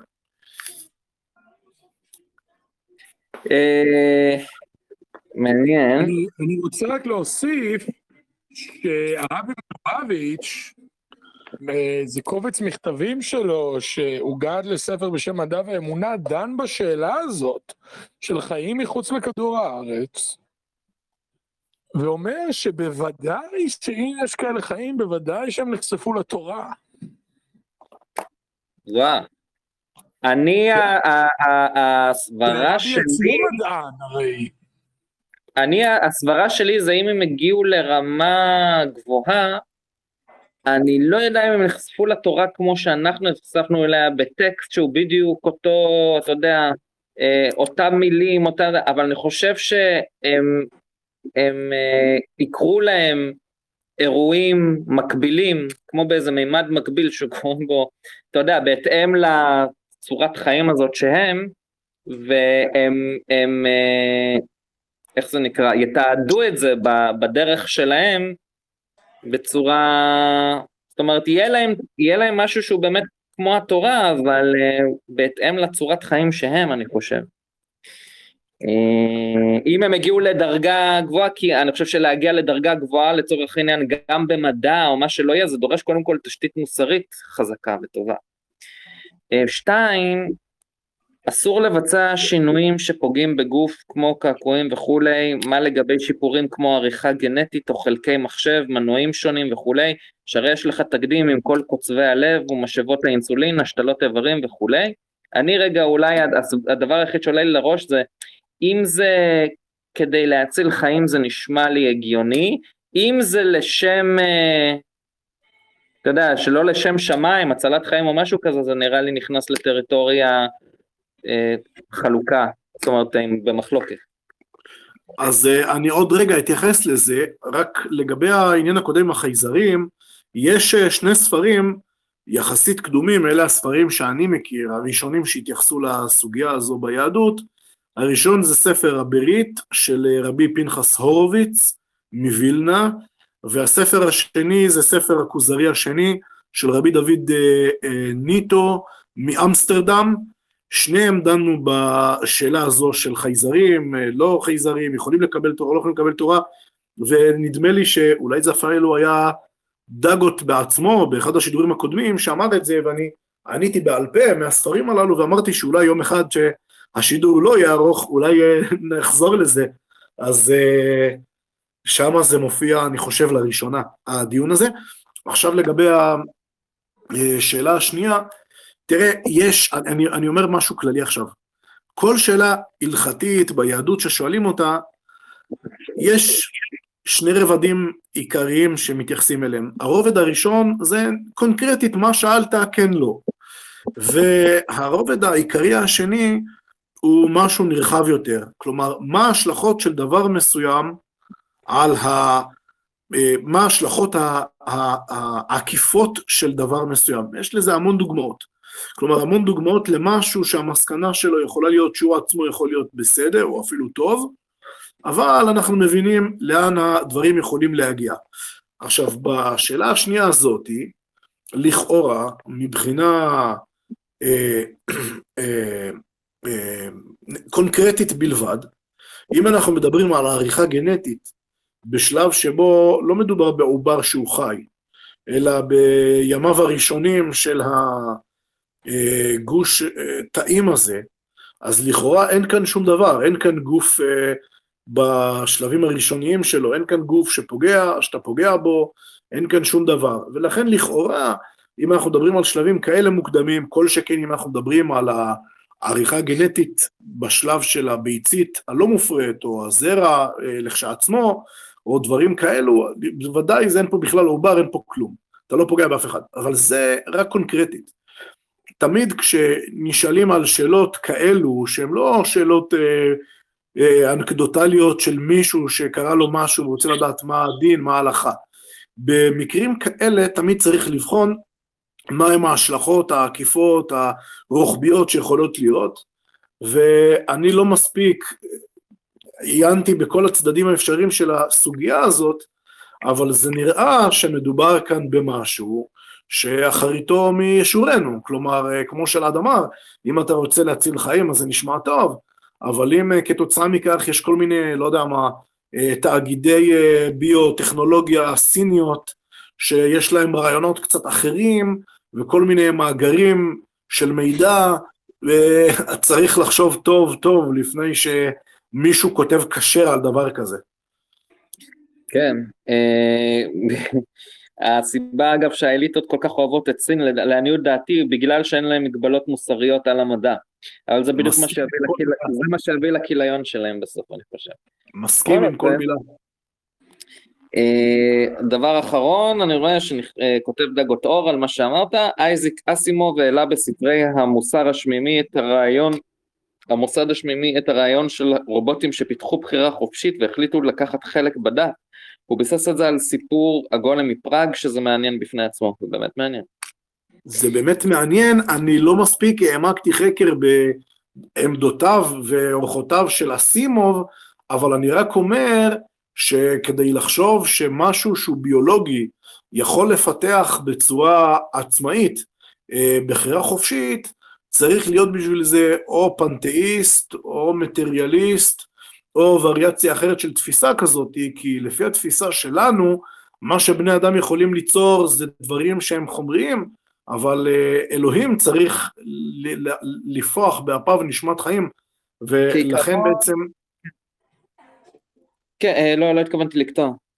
אה, אז, אז, אז בעצם, אה, כלומר, בתור סיפור מדע בדיוני, שהוא איזושהי קריאת כיוון מחשבתית וזה, זה, זה נפלא, אני לא, לא אומר שלא צריך לחשוב, צריך לחשוב, אבל אני רק אומר, התפיסה הבסיסית ביהדות היא שבעצם הבחירה החופשית זה אחד המשמעויות המרכזיות של צלם אלוהים, שאלוהים נטר באדם, זה לא חלק מהביולוגיה. הביולוגיה, הביולוגיה יכולה לייצר בננות, יכולה לייצר קופים, יכולה לייצר ממוטות, היא לא יכולה לייצר בחירה חופשית. הבחירה החופשית זה מותר... כן, אני רק רציתי באמת להוסיף על זה, אה, אנחנו יודעים שיש מפץ גדול, שבעצם המדע לא יכול אה, להסביר, ומה שפחות מספרים לנו זה שבעצם יש משהו כמו ארבעה מפצים גדולים, פחות או יותר, שאיך דומם הופך לאיזשהו אורגניזם צומח, איך דבר כזה שצומח פתאום הופך לחיה, ואיך חיה פתאום הופכת למשהו כמו בן אדם שהוא עם אה, מודעות ובחירה חופשית. זאת אומרת, אה, אפשר לומר הרבה רק אבולוציה, אבולוציה, אבולוציה, אבולוציה, אבל יש פה איזה שהם ארבע מפצים גדולים שאף פעם לא הצליחו להגיע לשורש שלהם באמת. אז... אה, ואת העובדה הזאתי, את העובדה הזאתי, כל מיני יובל נוח הררים למיניהם, דואגים להסתיר היטב. כן. אמ, אני, אז... אני חושב, אגב, בהקשר כן. הזה, אני, אני מוכרח לומר, אני סבור בוודאות מאוד גבוהה שתיאוריית האבולוציה היא, היא שקר מוחלט. אמ, אה, לא, במידת מה, במידת מה לעניות דעתי, יש דברים שהם בוודאי אה, מתפתחים אה, באורגניזמים ובכלל, יש שם, או, או איזושהי ברירה טבעית, אתה יודע שאתה מדבר על אורגניזמים, אז כן. במידת מה בהחלט אני חושב שיש דברים בגו, אבל... אני חושב, כן, אולי צריך לומר תיאוריית מוצא המינים. אני בספק מאוד גדול אם תיאוריית מוצא המינים בשלב הנוכחי מסוגלת להוכיח את עצמה. טוב, זה דיון, זה דיון שצריך אה, לערוך בזמן. איך אמר פעם אה, אה, פרופסור דוד ברלינסקי, מיקרוביולוג ומתמטיקאי, הוא אמר, כשמישהו מבקש ממני להגיד משהו מדעי, אני חושב על פיזיקה, בדרך כלל, אני לא חושב על תיאוריית האבולוציה. יש שם, לדעתי, יש שם משהו, אתה יודע, הרבה פעמים משתמשים במילה הדרגתי. מה זה הדרגתי כן. הזה? יש כל מיני ז'רגון כזה, לא, לא ברור לי. כן.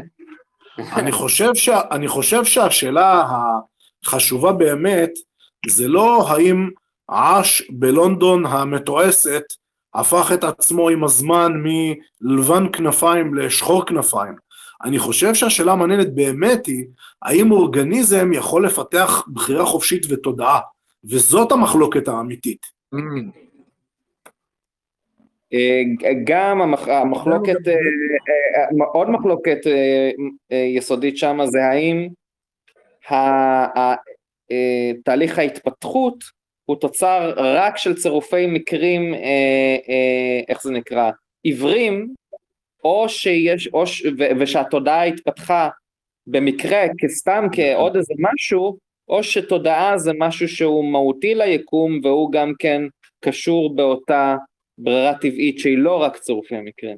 זה בעצם גם... הייתה, זאת בעצם הייתה הסברה של הרב קוק. הרב קוק בעצם אמר שבמידה ויוכח שתיאוריית האבולוציה היא אכן נכונה לחלוטין, זה לא יכול לסתור את היהדות, וכששאלו אותו איך אתה אומר דבר כזה, אז הוא אמר כי אם אתה אומר שכל ההתפתחות היא תמיד בכיוון של כלפי מעלה, כלומר זה הולך ונהיה יותר מתוחכם, אתה הולך ונהיה יותר מפותח, אז זה אומר שיש הכוונה יש רצון אלוהים מאחורי האבולוציה הזאת, אז היא לא סתמית, אז זאת לא כפירה, זאת דווקא אמונה. כן.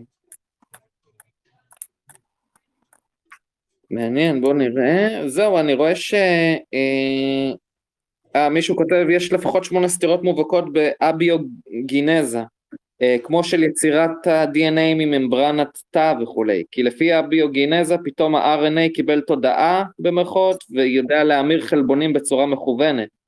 זה גם מעניין לכשעצמו, אני רק אעביר את זה. זהו, אני לא רואה שעוד כתבו משהו ב... בערוץ. בסדר, אנחנו על uh, הרבה למעלה משלוש שעות, אם אני לא טועה. Uh, התחלנו בתשע כן. וחצי, אז זה בדיוק שלוש שעות. אה, אז כן, שלוש שעות, בסדר. כן. אז uh, זהו, אני חושב שאפשר uh, לסיים פה. Um, uh, יש רק מילות סיום או משהו? בברכת אה, שבת שלום לכל אה, העוקבים היקרים שלנו, שמח מאוד שאתם עוקבים, ניפגש בעזרת השם שבוע הבא. מעולה, אנחנו כמובן נעלה את השידור. שבת שלום מבוסטון, מיאיר קליינבאום. שלום. ושבת שלום גם מפה. אז אה, אנחנו נתראה כמובן שבוע הבא, בפרשה הבאה, והשידור הזה יעלה לאוויר כולו במלואו, לערוץ אה, במהלך הלילה אולי אפילו. אז נתראה עד הפעם הבאה.